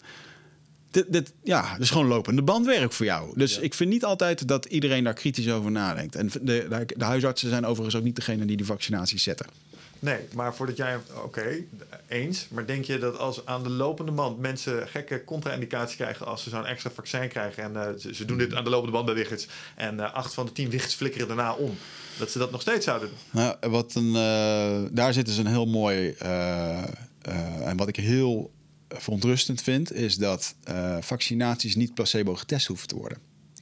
Je kan vaccinatiebedrijven, die zijn ook vrij, vrijgesteld van immuniteit. Je kan alleen de overheid aanklagen. Ja, aanklagen. hier, hier heb ik daadwerkelijk op gegoogeld, omdat ik me afvroeg of dat was. Maar ehm, mijn Google-acties, de volle zes minuten ervan, Mhm. hebben wel een aantal vaccins met double-blinded tests geproduceerd. Dus die zijn er wel.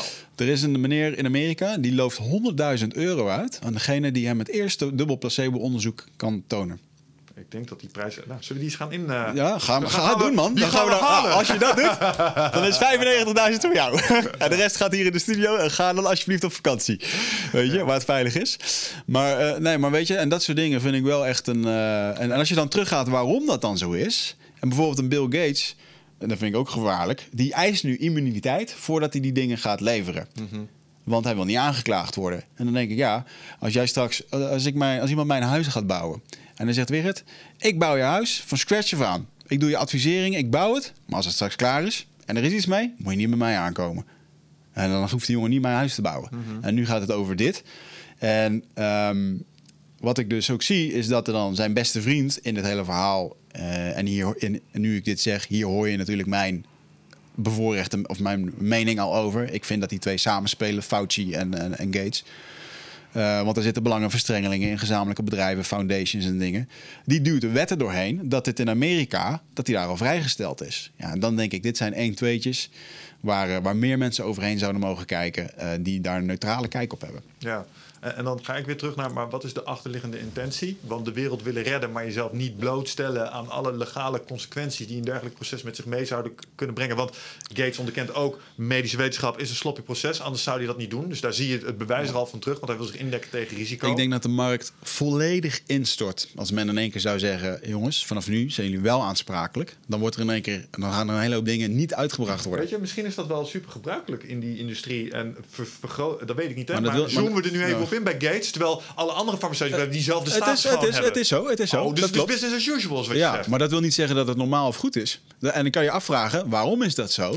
En dan kom je terug op een stuk geld. Maar dit is presentatie. Dit is, dit is wel een stukje oneigenlijke presentatie. Want als je meteen had gezegd... ja, eh, alle farmaceutische bedrijven hebben een dergelijke vrijstelling... en Bill Gates willen ook één. Nu voor het vaccin wil hij dat voor alle landen. Ja, maar speciaal voor, ook voor. alle, alle medicijnen... dus alle farmaceutische bedrijven hebben een dergelijke vrijstelling. Klopt dat? Ehm, dat wat dat zei net. Anders zit ik ernaast. ja, Want als dat waar is, dan doet hij ik, hetzelfde ik, weet als dat, alle ik bedrijven. weet dat er in april afgelopen jaar is er een, is- heeft Fauci een wet do- doorgeduwd dat het in Amerika. ehm, ik denk dat je dat per vaccinatie moet doen. Hm. Ik denk dat dat het verhaal is. Ehm, maar ik heb ook een docu gezien waarin wordt uitgelegd waarom bedrijven eh, niet aansprakelijk worden gesteld erin. Ja. En waardoor in één keer een ontzettende boost is gekomen, ook in de medische industrie. eh, waarin werd gezegd: hey, luister, hier kun je zoveel geld in pompen. Ze kunnen je niet aanklagen en je kan er heel veel in verkopen. Dit is een goede branche. Dat is een van de redenen waarom die branche zo groot is geworden. Dit is, dit is echt het probleem van de moderne maatschappij. Hoor. Kijk naar hoe jij en ik allebei proberen eh, de beste informatie boven te krijgen. Mm. En dan hoor ik jou zeggen, ah, ik heb in een documentaire gezien. En dan, bes- en dan bespeur ik mezelf. Documentaires, die betekenen tegenwoordig geen reet meer. Mm. Hè, Cowspiracy, eh, wat was dat laatst ook alweer, die food eh, documentaire. Ja, waar, waar allerlei foute informatie in zat die toevallig weer even cherry-picked. Omdat het hun narrative beter dient. Weet je, dan denk ik, ja, ligt er ook maar weer aan aan welke documentaire je kijkt. En dat is geen verwijt eh, en, en geen aanval op het punt wat je maakt. Maar ik constateer nu even in dit gesprek alleen al... Het is fucking lastig om erachter te komen waar de waarheid ligt. Snap je? Als het fact-based is, dan, dan heb je daar een feit dat zoiets is gebeurd. En ehm, bijvoorbeeld laatst hadden wij een discussie over de Vietnamoorlog. Dat was een mooie serie op Netflix. Eh, die, ga- eh, ik las toevallig op nu.nl dat die 18, eh, 18 juni gaat hij er vanaf. Ik wist helemaal niet hoe dat, dat was gegaan in Vietnam. Was ik echt fucking verbaasd over. Oh, zo. Wat Ja. voor politiek smerig spel wat dat is geweest. Hè, voor een stukje communisme eh, onder de duim houden, wat niet onder de duim te, eh, te houden viel. Eh, maar fuck man, en als je dan naar kijkt en je ziet dan echt feitelijk wat er is gebeurd. En hoe dat bevolking ook werd voorgelogen en onder tuin werd geleid. Eh, ja, dan kun je je afvragen, oké Wigert, hoe komt het nu dat al die, die twijfel bij jou ontstaat? Dan denk ik, ja, dat heeft natuurlijk gewoon wel een hele geschiedenis, wat nu allemaal een stuk helderder wordt, draagt daar wel aan bij. En ik denk dat een hele hoop eh, mensen, ook in de antivax-beweging, niet zozeer antivaccinatie zijn, maar gewoon kritische vragen stellen die voorheen niet echt gesteld werden. Mm, sommige, maar het merendeel ook niet. Hoe weet je dat? Omdat als ik, wat ik van antivaxers zie... Kijk, hoeveel antivaxers ken ik eigenlijk? Wat is een antivaxer volgens jou? Iemand die helemaal De- precies, volledig... Laten we het daar zo over hebben. Een antivaxer vind ik iemand die zijn kinderen bewust niet vaccineert. Mhm. Omdat, omdat die persoon erin gelooft dat daar dingen in zitten die niet goed zijn. En dat er over wordt gelogen. Ja. Eh, en, en in de meest extreme gevallen dat er allerlei conspiracies zijn om daar mind control en eh, dat soort dingen. En conformity mee af te dwingen. Ehm, dat is voor mij een antivaxer. Ja. Ook zonder die conspiracy theory is hij gewoon, is hij gewoon antivaxer. Ja, dus ja. die zegt gewoon: ik geloof niet dat de overheid eh, dat eh, goed voor elkaar heeft. Die vaccins zijn hartstikke gevaarlijk. Eh, en ik wil niet dat mijn kinderen die vaccins krijgen. Dat is wat ze zeggen. Ja, eh, dan heb je het. eh, ik weet niet in welke categorie dat ik dan val. Maar ik zeg dan gewoon: oké, ik wil. ik vind een veilig vaccin vind ik helemaal top. Maar het moeten we voor mij wel bepaalde dingen voldoen. Onder andere dat het veilig is, dat het getest is. Ik wil, er graag, ik wil niet graag als testpersoon gebruikt worden. En als het niet nodig is, ik denk dat je het per individueel geval moet bekijken. Dan denk ik, eh, dan maak ik op basis daarvan het liefst mijn keuze. Ik denk dat het de status van de griepprik moet krijgen. Wat is dat? Die is optioneel. Als jij een griepprik Oh, wil, kun je een griepprik krijgen. Er is sowieso niet echt iets verplicht toch in Nederland? Uh, nou ja, nee, nee. En, dat, Nee. eh, en dat, dat zou in dit geval wel echt een mijlpaal zijn, een president. En ik, ik deel jouw zorg van, ja, hou eens eventjes. Ehm, sommige, de, ik weet het trouwens niet of de vaccins die ik heb gekregen Of, zorgen dat het houdt als de deur open of niet? Superdroogte, we- we- jongens. we hebben Dus, eh, hier hier een, we eh, heel blij mee zijn. Ja, het regent in één keer en we hebben misschien dingen die nat worden, jongens. Dus eh, dat werd even gemeld. Ehm, Maar ehm, ja, vaccins. Nogmaals, als, als we nu volgende maand een vaccin hebben voor corona. Hé. Mies, wil je het als eerste testen? Nou, weet je, ik heb net omschreven dat het medisch proces nog wel sloppy kan zijn. Dus, eh nou, I don't know, man. Als ik gewoon de eerste eh 500.000 mensen even mag aankijken... en als die niet direct omvallen in het eerste half jaar... dan I might consider it. Maar dan weten we eigenlijk nog niks over de 20 jaar daarna. ja, precies. Ja, ik snap dat daar risico's zijn. Aan de andere kant moet je ook niet vergeten dat de vaccins die wel gewoon op een normale manier op de markt zijn gekomen, ehm, die doen er normaal langer over. Maar de tij- eh, het feit dat het nu korter kan, want daar hebben mensen het ook graag over. Zo van, ja, eh, en- nu doen ze het ineens in een half jaar. Nou, dat kan niet goed zijn. Die urgentie is er nu. Dat, is dat, dat en, dat ik. komt omdat eh, enerzijds wij mensen zijn er fucking creatief als de druk maar hoog genoeg is. Zeker. Daar worden we heel goed van. En we kunnen nu dus, waar normaal gesproken een aantal van die dingen, omdat medicijnen ontwikkelen heel duur is, Mhm. doe je een aantal van die dingen gewoon stap voor stap. En er zijn ook mogelijkheden om onderdelen uit dat productieproces parallel uit te voeren. Dat is duurder, want je maakt meer kosten in een kortere tijd. Maar als bijvoorbeeld vier landen hun resources spoelen, zoals Italië, Frankrijk, Nederland en Duitsland nu willen doen, ja, dan kun je dat soort processen Ja. eh, ineens veel optimaler uitvoeren. Zeker. En dat geloof ik dan wel weer. Dus als ze nu met iets komen met eh, binnen een half jaar van zeggen: oké, dit is klaar om op mensen te testen, laten we het mensen gaan testen, Ja. dan geloof ik wel dat dat kan. Ja. Weten we dan ook al binnen een week of het geschikt is voor de mensen waarop getest is? Nee, daar heb je langer voor nodig. Ja. Uh, en, en, en je weet pas echt 100% veilig als er de eerste mensen op deze planeet rondlopen. Een flink genoten gro- N is, weet ik veel, 10.000. ehm, die tot 10 jaar in hun systeem hebben zitten. Dan Exact. weet je het pas echt. En maar geen- dat is, dat is game theory. Vind je het risico van COVID oplopen groter als het risico van een slecht vaccin? ja. Dat ligt aan bij jouw relatie tot je, eh, eh, eh, tot je eigen gezondheid. En Ik zou er geen vaccinatie voor nemen. En, ik denk eh, op dit moment van wat ik erover weet, eh, wat ik erover weet nu ook niet. Maar wat ik dat COVID zo, wat ik zo spannend vind aan dat COVID, is dat voor sommige mensen is het helemaal asymptoom. Voor, voor de meeste ouderen is het hartstikke dodelijk. Mhm. Maar er is ook een hele vage tussengroep, waarbij het, eh, en, die vallen duidelijk niet in de risicogroep, waarbij het wel echt dingen doet en, het, en, en ze soort van sloopt. Mhm. Ehm, en het is niet aan te wijzen wat, dat nou, wat dan nou precies de factor is die ervoor zorgt dat het gebeurt. Dus er zijn mensen die zijn eh, vitaal, die zijn fit, die zijn jong, hebben geen onderliggende complicaties en toch ineens pang, is er Ja, iets. ja. En dat is wat dit ding zo, zo, eh, zo spannend maakt. Ja. Die onzekerheidsfactor. En tot op het moment dat we daar, daar weten we nu nog niet genoeg van, als daar meer duidelijkheden over zijn en het blijkt dat ik plots toch een hoger risico heb om iets wat ik nu niet voorzie, bijvoorbeeld een genetische afwijking, weet ik veel. Misschien komen we daar wel achter dat er een bepaalde genetische eh, er- erfelijke belastbaarheid is die dat veroorzaakt. En daar kun je mensen op testen. En als dat zo is, zoals we nu ook sommige mensen kunnen testen op hun vatbaarheid voor sommige kankers, Oké. ja, dat kan. Mhm. Ehm, dan misschien. Ja. Maar zou ik nu vooraan in de rij gaan staan van hook me up? Nee, Nee. nee, Nee. want dat vind, ik, dat vind ik eng. Ja. Wat zou je ervan vinden als ze nu zouden zeggen het wordt verplicht? Dat is een moment waarop ik. eh, daar, da- dat zou iets zijn waar ik zeg: oké, hier ga ik voor de straat op en hier ga ik voor knokken.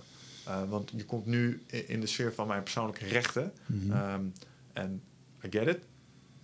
Maar niet in een fase die ik als te experimenteel acht. Dat vind ik iets, eh, daar, daar kun je voor opkomen. Ja. Eh, daar mag je voor gaan staan. Zeker. Ehm, aan de andere kant, als straks er overweldigend bewijs is dat het wel goed is. Want heel eerlijk, ik, ik, ik vind zelf dat vaccinatie voor kinderen verplicht zouden moeten zijn Ja. Omdat nu een groep mensen die hun kinderen niet vaccineert, meelift op de, de, de groepsimmuniteit van, van alle kinderen die dat wel hebben. Dus wa- wat de overheid heel bewust doet in Nederland is zeggen: hey, oh, je vaccineert je kinderen niet? Nou, oké, we, zetten ma- we- we markeren dat in dat dossier van het kind. Maar het mag vervolgens wel gewoon naar de school waar andere kinderen ook lopen. Ja. Eh, want de kans is heel klein dat ze mazelen krijgt, want er loopt niemand met mazelen daar. Dus het maakt niet zoveel uit dat, dat jouw kindje dan niet gevaccineerd is. Maar dat vind ik eigenlijk een beetje misbruik maken van, van die andere mensen die dat dan wel doen. En ik vind dat als we zeker weten dat deze vaccins het gewoon doen, wat we inmiddels, want ik ben ook gevaccineerd, jij bent gevaccineerd, we doen het prima. Die vaccins die mogen voor mij gewoon op een lijstje met verplicht komen. Die wel. Maar die hebben de proeven des bekwaamheids afgelegd. En, en, en zo'n nieuw vaccin, wat helemaal spliksplinter nieuw is, ja, dat zal een bepaald pad moeten belopen. Denk ik. Ja, maar ik, vind het, ik ben het er niet mee eens. Ik denk dat je nooit mag verplichten om. eh, ik, het staat ook in onze grondwet dat je mag zelf maar bepalen wat er met je lijf eh, gebeurt. Eh, wat in sommige gevallen natuurlijk ontzettend dubbel is. Hè, dat als iemand eh, dat vanwege geloofsoverweging niet mag. eh, en hij heeft een bloedtrans- bloedtransfusie nodig of zo. En hij mag dat officieel niet. Ja, dan gaat hij dood. Dat zijn natuurlijk wel stukken waar. ah, goed, daar mogen mensen zelf over beslissen. En wat ik bijvoorbeeld. Ja, mijn groot, ja, bij jou zit het inderdaad in het gezondheidssfeertje. Bij mij, eh, ik heb er echt een tyfushekel aan als mensen aan mijn vrijheid komen. En een van die vrijheid zou zijn dat ik bijvoorbeeld straks niet naar Brazilië mag, omdat ik op mijn paspoort een, eh, een stickertje moet hebben dat ik gevaccineerd moet worden. En, en dan denk ik van ja, maar als ik dat gewoon niet wil, dat betekent dus dat ik straks bepaalde vrijheden niet meer heb. Ja. Of, of erger nog, misschien dat ik straks niet meer op evenementen mag komen.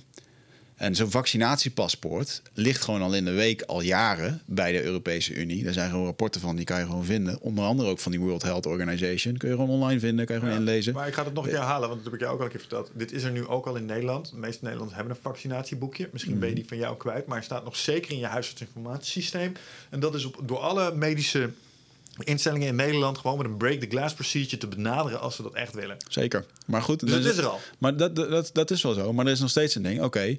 Eh, maar dan is het dat je een soort van stipje in je paspoort moet hebben. Om te laten zien of dat je het hebt. De volgende stap zou kunnen zijn. Oké, het moet verplicht worden. En dan denk ik, ja, maar dan word ik dus in één keer. eh, straks dan kom ik niet met, een- met mijn paspoort de Amsterdam Arena binnen. Omdat ik niet gevaccineerd ben. En dan wordt mij, ik word dus uitgesloten. En, en niet voor iets waar de wereld aan dood gaat. Want eh, het is geen ebola, het is geen super... eh, we hebben het goed onder controle. Als we dit kunnen minimaliseren... eh, dan denk ik dat we dit ook zonder verplicht vaccin... onder de duim kunnen houden. Dat denk ik ook. En ehm, dus, dus daar heb ik dan wel een. ja, goed. Ik denk dat mensen er vrij over mogen, mogen beslissen. Ik denk niet dat, dat je het kinderen moet verplichten. Ik denk dat je het per geval moet bekijken. Per regio, per. ja, het is een custom-made eh, custom-made dingetje. Dat is hoe ik erover denk. Met het nieuwe vaccin zeker, met het oude vaccin zou ik daar nog wel eens een, eh, een lans voor willen breken waarom je dat toch zou kunnen overwegen. Maar ik ben het met je eens. En ik denk ook dat mensen vrij moeten kunnen beschikken over wat er met hun eh, lichaam gebeurt. Maar ik zou daar wel een uitzondering maken, mits dat niet anderen in gevaar brengt. Mhm. Als je heel veel pijn hebt, vind ik dat je euthanasie moet kunnen plegen. Mhm.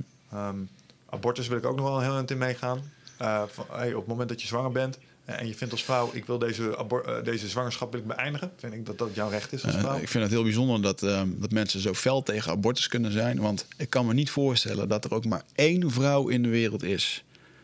die met een lach naar zo'n kliniek gaat. om daar even een abortus te plegen. Nee, dat doet, dat Ik krijg daar kippen wel van als ik het over heb. Dat, dat doet niemand lichtzinnig, denk ik. nee, en dus, dus, eh, maar als iemand gewoon de welwillende keus maakt van... Fuck, dit, is, dit is niet de tijd. Ik heb, ik heb geen geld. Ik kan niet eens voor mezelf zorgen. Ik heb emotionele, mentale problemen. Hoe kan ik voor een kind zorgen? Wat is dan de betere keuze, weet je wel? Ja, Vind ik moeilijk. Ja, dat snap ik. En eh, wat ik dan interessant vind is... ehm, als we dan kijken naar een vrouw die abortus pleegt... dan zeggen die mensen, ah, dat moet je niet doen. En als we dan kijken naar een, een Afrikaanse vrouw die er acht neemt... waarvan de zes doodgaan... Ja. om er twee over te houden, daar heeft niemand het over. Ja. dat, dat, is dan niet, dat is misschien nog wel erger. Ja, Als, ja. als je kijkt in wat de netto... oh, snap je? Dan moeten er twee dood om er één over te houden. Dus oeh. Maar dat is wel oké. want ja, daar wordt gewoon een kind... ja. Snap je? Ja, het is eh, moeilijk. Het is lastig om de- ook die te vergelijken, die twee casussen natuurlijk.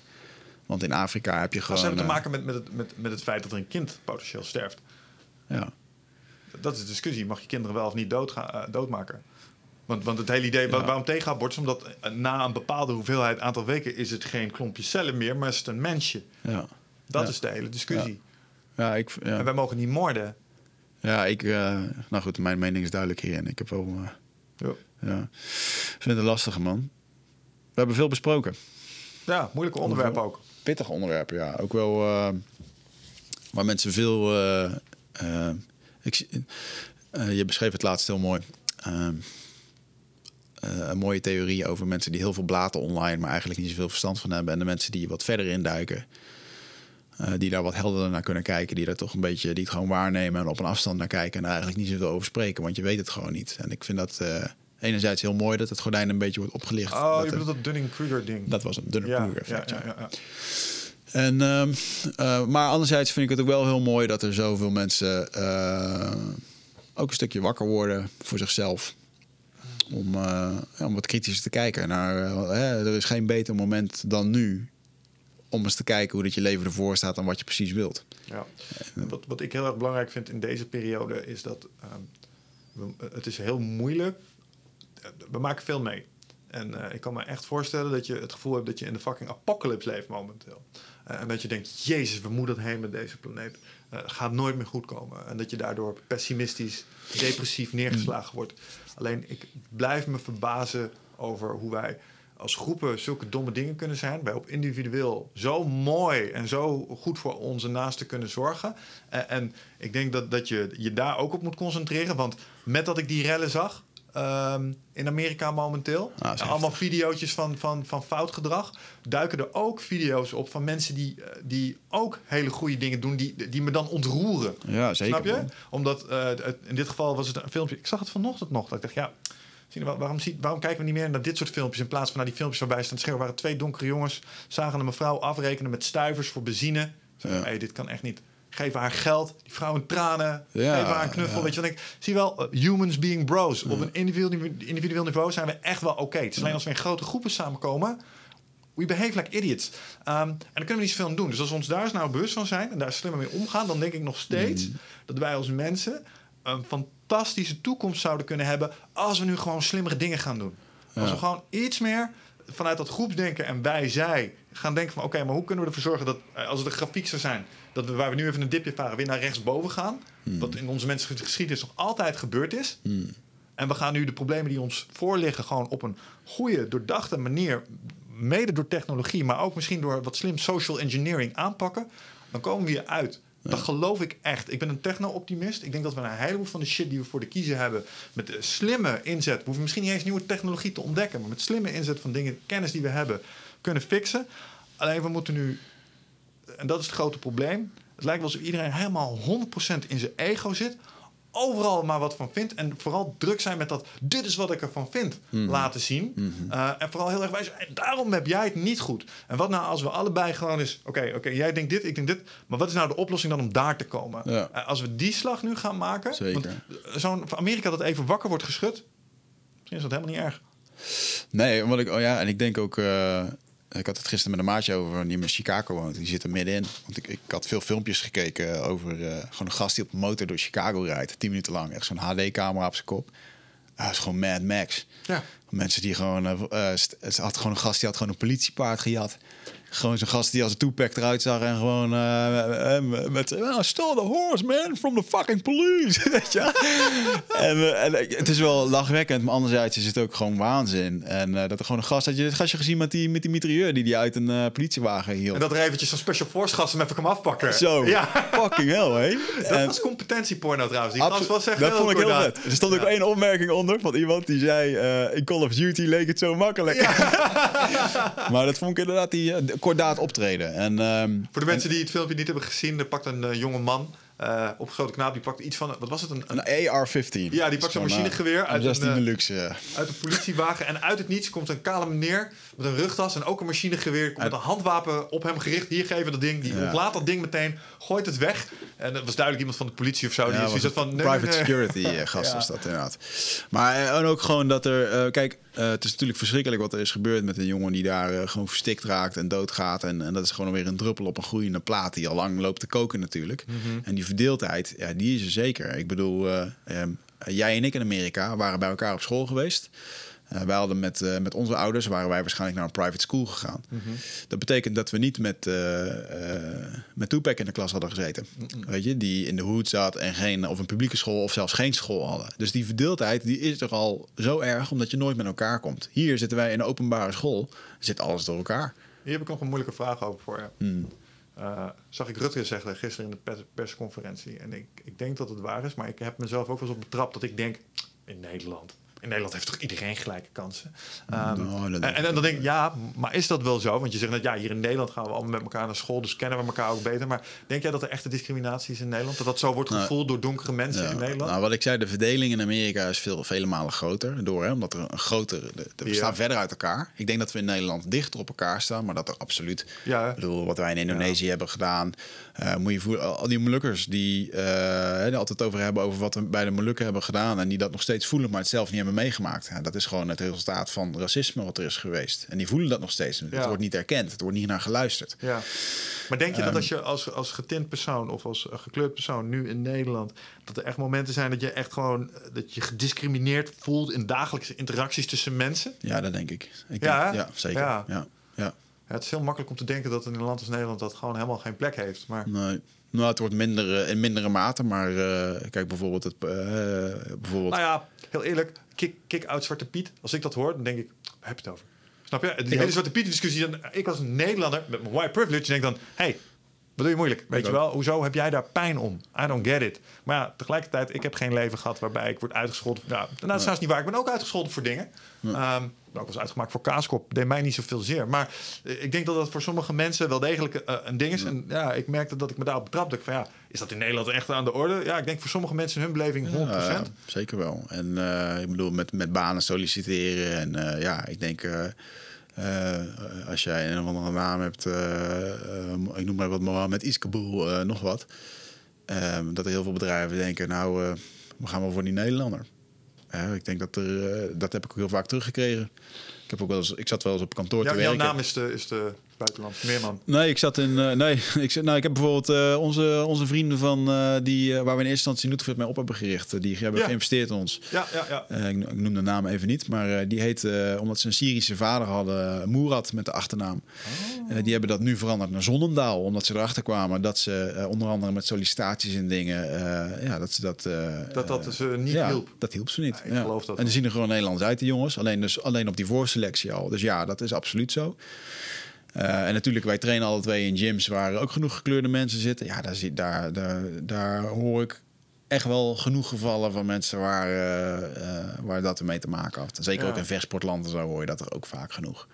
Ja, waarbij je toch, maar aan de andere kant ook weer toch wel merkt dat we in ieder geval in Nederland daar ook wel dicht bij elkaar staan. Want dat- dat is- is nooit een ja, maar- factor geweest in de training. Ras nee, is nee, nooit nee, een factor nee, geweest. nee, in op de sportschool is die verbroedering er. Ja. Dus Anders dan dat je, mooi. dat je sommige donkere jongens kunt bewonderen op hun fast twitch fibers, omdat ze gewoon iets. eh En is, staat, zijn. staat de vechtsport daar niet juist ontzettend onbekend? Dat, hè, dat, eh, dat er is helemaal niet zoveel ruimte voor, voor discriminatie. Want er is gewoon een verbroedering en je staat met elkaar op de mat. En, eh, eh, nou, er- zijn een aantal jongens waarvan ik niet zou, niks tegen zou durven zeggen. Want dan krijg je gewoon een pak slagen. Hè? Eh, maar als je die jongens, dan weet je gewoon, als die jongens zeggen van ja, de sportschool heeft mij gewoon gered. Om, want op straat kijkt niemand naar me en weet ik veel wat. En hier heb ik gewoon mijn plek. Ja, dan, dan oké. fuck man, je hebt gewoon de sportschool nodig om, om eigenlijk uit die, uit die discriminatiehoek te kunnen komen, te kunnen overleven. En, dus ja, ik denk zeker dat, dat, dat het speelt. Ehm, Toch wel moeilijk, man. Het is heel moeilijk, ja. Ehm, en ik, ik vind het ook wel een, eh, eh, een andere zijde die ik had belicht eh, toevallig van de week op mijn Instagram. Is dat ik, dat ik had genoemd, het, dit wat er nu gebeurt heeft niet zoveel met racisme te maken. En daar bedoel ik meer mee. Wat je nu ziet, gasten die aan het plunderen zijn. Die er gewoon, ook blanke gasten, eh, van die linkse bewegingen. Die eigenlijk anarchisten... YouTube-influencers die betrapt zijn op, op plunderen. Anarchisten, weet je wel. En, eh, en, en ik zie dan ook gewoon een hele eh, movement op social media van een hoop van die influencers die nu allemaal mooie posts erover gemaakt. En dan denk ik, fuck man, je, je, je geeft die normaal echt geen donder onder. En nu ga je allemaal van die zwarte plaatjes posten en doen. Het is gewoon heel, en ook vanuit de, de donkere gemeenschap wordt er gewoon gezegd: van, jongens, dit, het gaat niet over dat klotenplaatje wat je nu plaatst. Het gaat erover wat je doet, weet je, en hoe je denkt. Hey, terug naar die podcast met Patrick Kikker. Kijk naar de Mhm. ondertiteling. Het is virtue signaling. Die lui die dat doen, zijn uit op social brownie points. Kijk, mij eens Ja. even medelevend zijn met mijn gekleurde medemens. Goed voor mij, hè? Het gaat Ja. om zichzelf. Het, gaat, Ja. het, is, het is een kans om jezelf op te plussen. Zeker. En zo wordt het ingezet. En dat is waar je, eh, waar je eh, van krijgt. Bedrijven die het ook doen. Al die bedrijven die niet eens solidair zijn. Blizzard deed het. Ik heb Blizzard heel hoog zitten als softwarehuis. Maar hou alsjeblieft op met de virtue signals. Kijk, Please. kijk en, waar, en waar het dan nu heel erg over gaat, hè, over die politie die dan zo slecht is. En daar had ik gewoon een post over gemaakt, wat, wat ik niet, eh, niet correct vind. En dan heb je het over het stukje sceptisme, wat eigenlijk wel grappig. Misschien had ik er nooit over nagedacht zonder die term te weten. Er zijn heel veel rotte politieagenten in dat Amerikaanse politieforce. eh discriminaties. Ik heb ook filmpjes gezien van een gast die stond daar gewoon met een knuppel. En die maakt gewoon een white power teken. En die glimlacht gewoon naar zijn collega. Ik heb ook wel eens gehoord van een, eh, toen ik op een eh, magazijn werkte in Os. Toen eh, was mijn ploegmanager was een zo'n diehard Ajax Hooligan? hooligan, ja.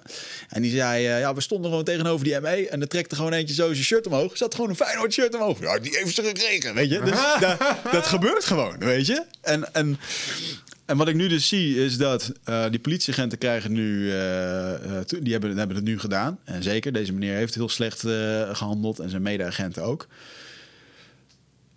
Maar wat een politieagent allemaal aan goede dingen doet... en dan komen we terug op Jan Terlouw, de vreugde van de wet. Mensen beseffen dat echt niet. Als je eventjes het aantal dingen oproept... wat zo'n agent, die voor 2000 dollar per maand... in dat gevaarlijke Amerika en ook hier in Nederland... die gasten die al het risico lopen om bewust te kiezen... om de hele dag in andermans problemen te willen zitten... en dat op te willen lossen... en die wet te handhaven die er is... Tering, weet je. Er moet gaan maar staan. Ik, ik, zou het niet, ik zou het niet kunnen. Mijn, mijn vader is politieagent geweest, straatagent. Ja, natuurlijk. eh rechercheur. eh, en die heeft ook wel dingen verteld. En ehm, kijk, even los van, eh, van ras. Ehm, ik zag één filmpje, misschien heb je dat ook gezien. Dat was van een, eh, een, een gast. Die was een. eh, want op een gegeven moment is de National Guard ingezet. Hè? Er stonden daar allemaal soldaten ineens. Ja. En toen stond daar een soldaat. En die was, die was ook zwart, donker. En die stond daar gewoon heel rustig. Toen kwamen andere gasten hem op aanspreken. Hoe durf je bij de National Guard? Maar op zo'n manier, die ken je wel. Van die schoffies die aan het zuigen zijn. Weet Ja. je. Ze zijn je echt het bloed onder de nagels vandaan aan Ja, het halen. Echt en gallen, jongen. En echt op de man. En filijn. Dat je echt denkt, ah, jongen, Ja. als ik daar had gestaan, ik had je vermoord. En die, en, en die eh, hoe heet dat? Eh, de grapjes in de comments waren ook van ja, deze gast reageert niet, want die is gewoon bang voor zijn sergeant, weet je wel. Want eh, die, eh, dan krijgt hij daar een patatsen van als hij nu uit de, uit de bocht vliegt. Want Amerikaanse leger, hoera, weet je. Ja, ja. Ehm, maar stel je voor dat je. En, en, en deze meneer die maakt dat nu even mee in deze context, dus die kan het hebben. Maar st- stel je elke dag, elke dag word je zo getergd door, door een bepaalde groep mensen die, die je veel vaker ziet als andere mensen. Ongeacht of het goed of fout is, ik begrijp dat dat je programmeert. Ik begrijp dat je daardoor een bepaalde conditionering krijgt. En, en als die lui zelf ook prone zijn in, in geweld en, en alle dagen even nu wordt, want nu zijn alle camera's op je, maar ik denk dat alle dagen dit soort geweld aan de orde is. zeker. En het is ook niet alsof het zonder gevaar is voor die agenten. Eh, ik weet Nee. niet, ik zag, ik zag later, ja, we hebben het alleen maar over filmpjes die we hebben gezien. Maar, er- maar er was een meneer die rent ineens met zo'n fucking mes op een politieagent af. Ik heb filmpjes gezien waar de gasten nu met... eh, eentje stond gewoon met een pijl en boog in zijn auto. Liep op een gegeven moment... En, eh, en, eh, en, en gewoon twintig mensen zwermen er als bijen overheen... en pakken dat ding af. En vervolgens vijf minuten later zie je zijn auto omgekeerd... helemaal in elkaar geslagen. Ja. Eh, de- in een andere demonstratie staat in één keer een gast met een machinegeweer... waar waar twintig man opduikt... en een agent achteraan kruipt omdat hij door zijn enkel was gegaan... die er ook nog wat bij probeert te doen. Weet je, echt gewoon echt gekte. En, en ik denk dat, die, dat heel veel agenten, uh, wat ik het gevaarlijke vind, is dat een, uh, er zijn heel veel goede agenten Ja. die nu daar staan tegenover die menigte van mensen en die denken: fuck, ik wil hier niet staan, Hmm. ik snap dit. En, maar ja, ik sta hier wel de wet te handhaven en straks worden de stenen op mij gegooid. Ik heb hier wel gewoon een riot gun en die ga ik wel gebruiken als iemand mijn leven probeert Maar te natuurlijk. nemen. En, en daar denk ik dan, ja, die mensen hebben van binnen het geloof dat ze de wet aan het ha- handhaven zijn, dat ze het juiste doen. En ik vind ook dat, ze, dat de politie plunderaars gewoon heel hard tegemoet moet treden. Kijk, opmerkingen als when the looting start, de, de shooting start, dat gaat niet helpen.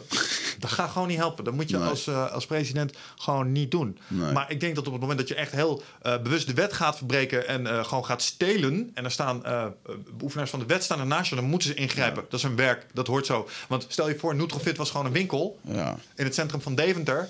Eh, en de Go Ahead Eagles bedachten, we gaan hier eens even rellen. En vijf van die gasten die gooien de ruiten bij ons in... en die halen al onze whey-proteïne weg. Ja. Dan ben ik niet blij als ondernemer. Nee, nee, natuurlijk niet. Ja, Eh, en dan wil ik graag dat meneer agent, die daar ook staat, daarop ingrijpt. Ja, zeker. En, eh, en, en ik zie ook de verwarring, want ik zag dan een filmpje van eh, mensen die stonden te kijken hoe hun winkel werd geplunderd. Bellen de politie, politie komt eraan.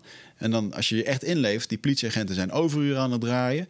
Die zijn 24 uur bezig, ze staan vol op de stress, kunnen niemand vertrouwen, want zij zijn nu het mikpunt van de overheid. En wat ze, en wat ze in alle herrie doen, die eigenaren staan te schreeuwen. Het eerste wat ze doen, is die eigenaren in de boeien slaan. Gewoon door de chaos, door het probleem. En, en, en die gasten lopen weg. En nou, dan een hoop tumult gaan ze er toch achteraan. En dan denk ik, ja, weet je, dit is gewoon wel zo'n agent, man. Ga er nu maar staan. En dan Ja. iemand een penning en een pistool geven, geeft iemand heel veel verantwoordelijkheid. En ik ben van mening dat in heel veel situaties, in dit soort situaties, dat mensen niet goed kunnen omgaan met die verantwoordelijkheid.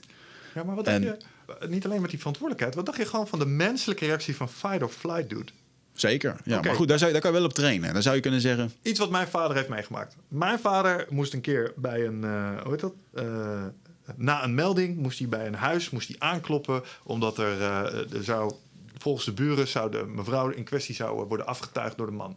Eh, ze kloppen aan, politie, deur wordt open gedaan, komt de gast, aansteken, gewoon met eh, haarspray. Ja. Zo'n stukje van mijn vader af.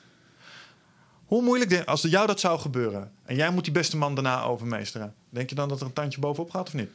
ja, tuurlijk. Ja, ja. Dat, dat wordt een, eh, eh, als je dat niet had gedaan en ik had je moeten overmeesteren, was ik waarschijnlijk. komt- Maar je hebt zojuist geprobeerd mijn gezicht te verbranden, Ja. vriend. Ik kan nu, nu heel erg antwoorden als de geweldbeheersende samurai die overal rustig blijft. maar eh, maar dat, dat is inderdaad. ik heb zelf ook die situaties meegemaakt. Niet dat ik mensen in de fik heb proberen te stellen, maar bijvoorbeeld met, met, met, met mensen die in psychose waren, die ik in de, in de bedwang moest houden. En dat doet wat met je. Want je innerlijke, je innerlijke overlevingsdrang gaat dan Ja. wel gewoon aan. En, Eh, en ik, ik denk dat als we hier die jongens van bijvoorbeeld de sluip, eh, sluipschutters eh, of scherpschutters zouden schrijf- spreken, die zouden zeggen, ja, daar, daar kun je op trainen en daar word je beter Ja. in. Maar desondanks ook, ook zij gaan van, hey, we zijn ook gewoon mensen, weet je wel. Het Zeker. raakt ons ook. Ja, maar dan denk ik wel voor, wat, wat zou het dan beter maken? Even oplossend in plaats van zeikend op de politie. Kijk, ik denk dat de politie wordt daar ook gewoon gezien als scam.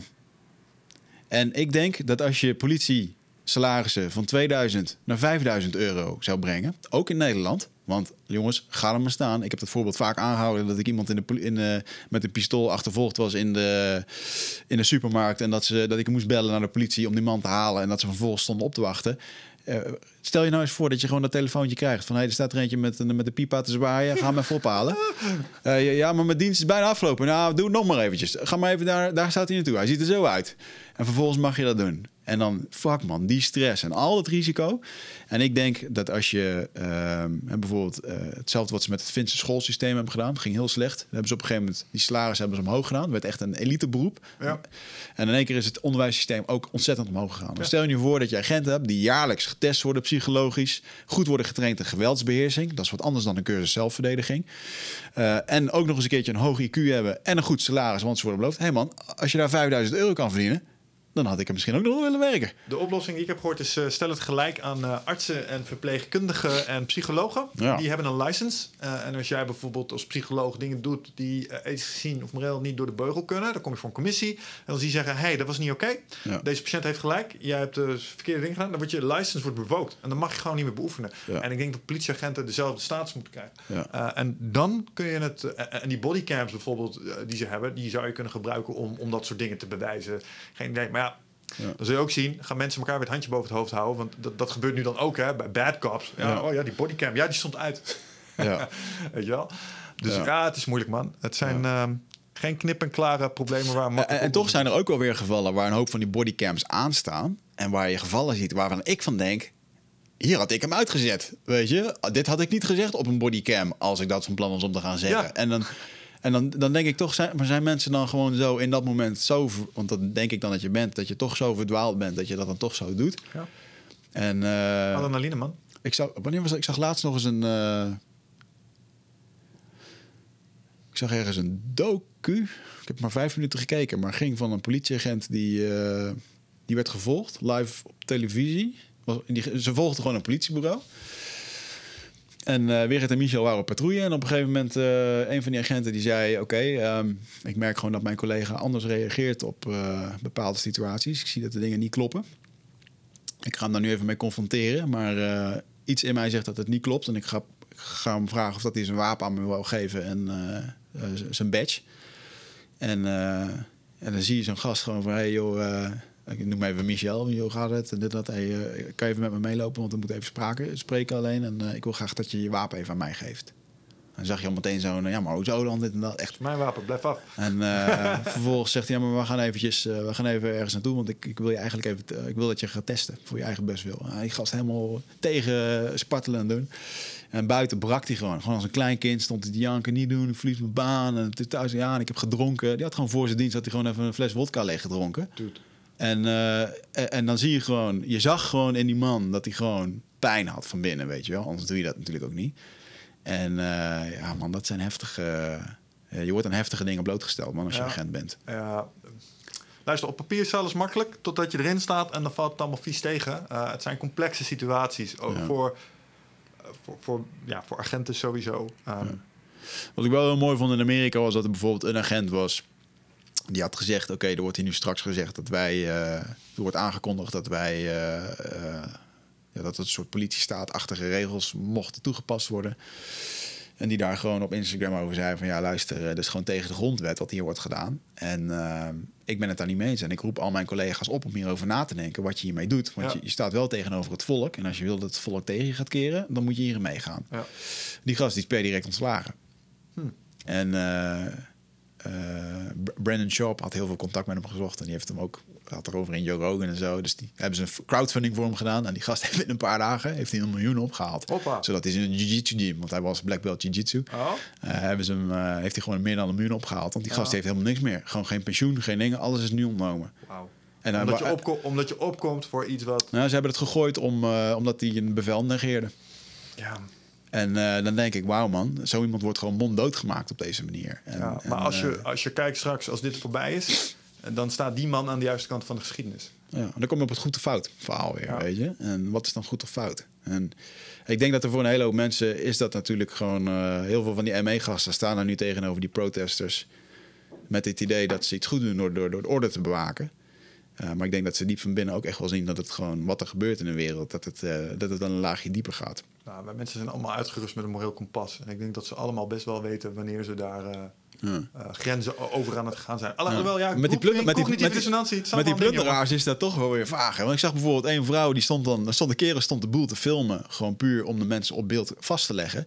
Komt op een gegeven moment midden op een kruispunt, allemaal auto's kriskras door elkaar. Komt een vrouw die komt buiten lopen met drie dozen Nike's, was een Nike store ingericht. En die komt er echt gewoon nog met de 120 kilo aangewaggeld met die. Ja. En dat die gast zegt, Ben, heb je nou echt gewoon je auto hier neergezet, slot erop, om drie paar sneakers te gaan halen? Ja, ik moet me rust laten, iedereen doet het. Oké, top. Je staat op camera en succes ermee. Ja. En dan, wow man. En, dat, en, en, en ik ben eh, ergens, kijk, social media, je kunt het vinden wat je wil, maar nogmaals, eh, when the dust settles, dan gaan dit soort filmpjes wel zorgen voor afrekening. Ja. Want, want dat zie je aan andere, eh, op andere fronten ook. Uh, het, het, ben, je, ben wel eens be- bekend met de term Karen? Nee? Wat een Karen is? Nee? Een Karen. Eh, een Karen is vaak een eh, blanke, blanke vrouw. erg entitled. en vindt altijd overal van alles van. En dat is zo eentje die in je gezicht gaat. Zo van... hey, Ja. wat denk jij ervan? Mag jij hier wel zijn? Volgens mij moet je... Hele vervelende. En er waren een aantal gevallen de afgelopen week waarbij eh, echt kerngedrag werd vertoond. Waarbij ze vanuit een stukje. Hé, hey, wat, wat doe jij hier eigenlijk? En eh, denk je dat je hier zomaar mag zitten? Gewoon tegen een donkere vent. En die had dat opgenomen. En die, die heeft dat volgens op Instagram gezet. Dat is viral gegaan. Vrouw in kwestie was de baan kwijt. Ja. Beklaagt zich er nu over dat iedereen achter de aankomt op, eh, op het internet. Ja. Ehm, dus er zit ook wel een soort zuiverende werking in die filmpjes vastleggen. Zoals die mevrouw waar je het net over had. Zeker. Die krijgt nog wel de, die krijgt de afrekening nog wel. Let maar op. Over, daar ben ik het dan helemaal over eens. En dan, dan vind ik het wat ik, eh, wat mijn, oh, dan gaat het weer over mijn vrijheid, hè, ehm, die ik hier aan koppel. Waar ik, ehm, wat ik jammer vind, is dat dit gebeurt nu allemaal. En mensen zien niet dat ze een politiestaat aan het forceren zijn. Want die social media, die werkt heel goed inderdaad om mensen te controleren. In China, heb er laatst eens een filmpje van gekeken hoe dat het nou echt ging. Jij zou daar zwaar de pineut zijn in China, jongen. Ik er. Ja, als je te lang gamet, word je bestraft. Als je iets Ik doet wat niet dat mag. niet het enige is waar ze me daarvoor zouden bestraffen, daar- by the way. je Maar Je, je krijgt, daar hebben ze daar drie camera's. Ze willen daar in over een paar jaar willen ze daar eh, gemiddeld drie camera's per persoon per land hebben. Alles is op dat hypernetwerk aangesloten. En op het moment als jij ehm, omgaat met mensen die, eh, die slechte dingen doen, zoals ik, die bijvoorbeeld eh, zegt dat, eh, dat sommige dingen niet goed zijn van de overheid, dan gaan jouw brownie points ook omlaag. Ja. Als je te lang op je, als je goede dingen over de overheid zegt, krijg je puntjes erbij. En jongen, dat gaat zo ontzettend ver. Als jij eten bestelt en je komt het niet afhalen, krijg, gaan je punten eraf. Ja, het- ik, En dat gaat zo ver. Het grapje is niet van mij, maar het is alsof je in een Black Mirror aflevering leeft. Ja. Maar, dat, maar dat is wel dat systeem van oké, hoe kunnen we dit nu voorkomen? Ik kan me voorstellen dat straks in Amerika wordt gezegd, hoe kunnen we dit nou voorkomen? Ja, we moeten meer inzetten op veiligheid, camera's. eh, We koppelen dat aan social media, kunnen die mensen sneller oppakken. Dat is wel een, er zal een partij zijn die hier heel erg naartoe wil neigen. En, en ik vind het heel erg jammer dat, dat die nu eh, sterker nog een paar kaarten toegeworpen kreeg. Van nou, misschien is het nog helemaal niet zo'n slecht idee. Ik hoor op de molen dit. En ik vind dat eh, mensen snappen niet hoe funest dat dat gaat worden. Want je wil niet naar een China toe. Nee, denk ik ook niet. En, en wat ik ook bijzonder vind is in China... is natuurlijk vaak het gezegde hè, van eh, de politiek of de overheid... of wie je dan ook bestuurt, zijn er maar zo weinig. En wij zijn met het hele volk. Nou, in China hebben ze dat behoorlijk onder controle. Ja. En, en eh, echt, ik, ik kan er niet bij komen, man. Het is gewoon... Maar aan de andere kant, als je kijkt naar bijvoorbeeld Hongkong, mhm. Kan het tegen knokken. Alleen, weet je wat het is? Eh, China specifiek, die is niet bang om de long game te spelen. Die zegt, oké, al duurt het 30 jaar, we krijgen het Ja, want want Hongkong is voorheen was, is nog steeds een soort van Britse kolonie. Was Britse kolonie, Was is teruggegeven, wordt nu langzaam maar zeker Chinees. ingebed in, Ja. ja. voor Chinees in principe. Ja. En dat betekent dus het inboeten op persoonlijke vrijheden. En stel je voor dat jij, eh, nou, stel je voor, je woont eh, je hele leven in Nederland en ineens wordt het bezet door China. En nu moet je ineens conform de Chinese regels moet je gaan leven. Eh, dan gaan we tegensputteren. En dat is wat aan de hand is. Ja, en ik denk dat dat... eh, Edward Snowden die zei dat ook al mooi. Hè? Het is allemaal mooi, al die dataverzameling... en dan ook al straks voor corona-apps en zo. En het zal echt wel zijn functie hebben. Eh, voor mij hoeft het allemaal niet, maar... Ik snap, stel nu dat het ebola was. Ik, snap dat het zijn functie heeft. Ehm, maar stel nu inderdaad dat China straks in één keer een vinger in de pap krijgt hier. Eh, waar ze nu bijvoorbeeld in Italië al best wel bang voor zijn, is dat in Italië eh, zijn best wel bedrijven achter de schermen opgekocht door de Chinezen in de tijd dat het daar nu helemaal bankroet is. Ja. Dus dan krijg je meer vingers in de pap. Hè? Dus, eh, en ik moet er niet aan denken, man. Ze hebben nu in het Amsterdamse Vondelpark hebben ze ook al camera's nu neergezet die tellen hoeveel mensen dat er zijn. Nou, dat is ook weer een stapje die richting op. En het gaat niet minder worden door dit soort dingen. En eh, ja, man, ik, ik moet er toch niet aan denken dat je straks... eh, wij moeten gewoon eh, vieze grappen kunnen maken en leuk kunnen ouwehoeren... zonder dat we daar gestraft voor worden. Ja, maar er moet nog wel wat water door de Rijn voordat we daar zijn, denk ik. Ja, ik vraag me af hoe het er over 30 jaar uitziet. Ik weet het niet. Ik weet wel dat, eh, we hadden het net over Black Mirror. De makers van Black Mirror, die hebben heel bewust nog even gewacht met het uitbrengen van hun nieuwe seizoen. Echt? ja. Ja. omdat het te grimmig is in deze tijd. Oh, wauw. Zo van, oh, ik zit Netflix te kijken. Oh, het is Black Mirror. Oh, dat lijkt wel heel veel op wat er nu in het echt gebeurt. En dat kan mensen een niet altijd prettig gevoel geven. Dus daarom zoiets, weet je wat, we wachten. Ja. Iemand appte mij gisteren op Instagram. Die, ik heb echt tranen gelachen. Die opmerking maakt echt gelachen. We zitten echt in een hele slechte aflevering van Looney Tunes. Ja, Ja. ja Of- als, er, als er argumenten zouden zijn dat je in een soort simulatie leeft... of dat je in een soort film leeft dan, eh, en je kijkt om je heen... dan, eh, ja man, ja. ik snap hem wel. Het enige wat je kan doen, mensen, om het even af te ronden, want we moeten zo naar de volgende eh, podcast, is, eh, ik blijf erop hameren, als er een moment is om, om je shit op orde te gaan krijgen voor jezelf, dan is het nu. Ja. En ehm, zorg dat je je mening helder hebt met de juiste informatie. En eh, Ja, man. Dat Ik- je wat verder kijkt dan je neus lang is.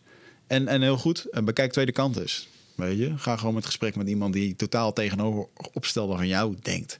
Probeer gewoon eens in te leven in die wereld. En, en dan, Ja, paar dingen die ik daar aan toe zou... Ja, e- e- eerste, inderdaad, neem ownership over je eigen vitaliteit. Fix dat. Het beste wat je op dit moment kunt doen. Als je kijkt naar wat er allemaal in de wereld gebeurt... ontwikkel kritisch denkskills. Dus vraag je af wat er gebeurt en of het klopt wat je ziet dat er gebeurt. En wat ik ook belangrijk eh, vind is, eh, want het helpt mij heel erg... weg achter je scherm, weg uit die digitale bubbel. Want als je nu een bos in wandelt... Die, die wereld is er niet, hè? Die is er alleen als je hem opzoekt. Ja, zeker. Eh, en eh, in die wereld wordt ingezet op angst en op negativiteit, omdat wij gewired zijn om dat leuk te vinden. Daar hebben we hier ook genoeg gesprekken over gevoerd. Ja. Dus je wordt daar ook iets gevoerd. Eh, je kunt je informatiedieet kun je aanpassen. En, en wat ik heel belangrijk vind is zoom eens uit. Verdiep je eens in de geschiedenis. Ja. Ik vind heel veel geruststelling in, in wat ik weet over hoe het hiervoor ging en waar we nu gekomen zijn. En eh, er zijn meerdere periodes in de menselijke geschiedenis geweest dat het er misschien nog wel erger voor stond als nu. Ja. Eh, en daar hebben we als mensheid ons ook doorheen geslagen. En ehm, ja, er waren ook wel agendas. Als je kijkt naar, hè, als je de documentaire over, eh, hoe heet dat, Vietnamoorlog gehad hebt, zou ik je sterk adviseren om die uh, gecolorized van de Tweede Wereldoorlog nog eens een keer te kijken. Want dan Ja. zie je ook dergelijke powerplays gebeuren. Terwijl daar toch ook nobele intenties achter zaten om hier de boel te komen bevrijden. Maar ook daar zat weer een agenda onder. Maar Kruisdochter had ook wel een agenda. ik noem maar iets. Dus er zijn altijd eh, powers that be geweest die eh, een bepaalde kant op wilden. Maar we Ja. zijn er als mensheid toch altijd weer beter uitgekomen. Eh, en, en dat moet je niet vergeten in dit soort momenten. Dus ik denk echt nog steeds dat we in een stijgende lijn kunnen zitten. Ook al voelt het misschien nu niet even zo. Ja. ja, eens. Het is nog nooit zo goed geweest. En dat geldt niet voor iedereen in de wereld. Maar zeker waar wij wonen eh, geldt het absoluut. Wat mij ook heel erg helpt, is als je echt op het allerhoogste niveau uitzoomt. Entropie, man. Hit de dood van het universum. It's all going to shit someday. Het Ja. maakt niet uit, weet je wel. Of het nu is of, of over 100 miljoen jaar. Ja, dan maak jij het misschien niet meer mee. Entropie is dat niet. de zon uitgaat, of wat? Entropie is dat eh, eh, in principe een, een, een- systeem altijd naar een andere staat wil. En, en het is nu heel dynamisch, maar uiteindelijk zal het allemaal Ja. neerslaan. En dan eh, is dit universum niet meer als een, een Ja. ja, eh, dode sterren. ik, ik, zou je nog, ik zou nog één meme geven die ik had. eh, die had ik even gekopieerd voor Marieke. Die vindt dat soort dingen altijd leuk.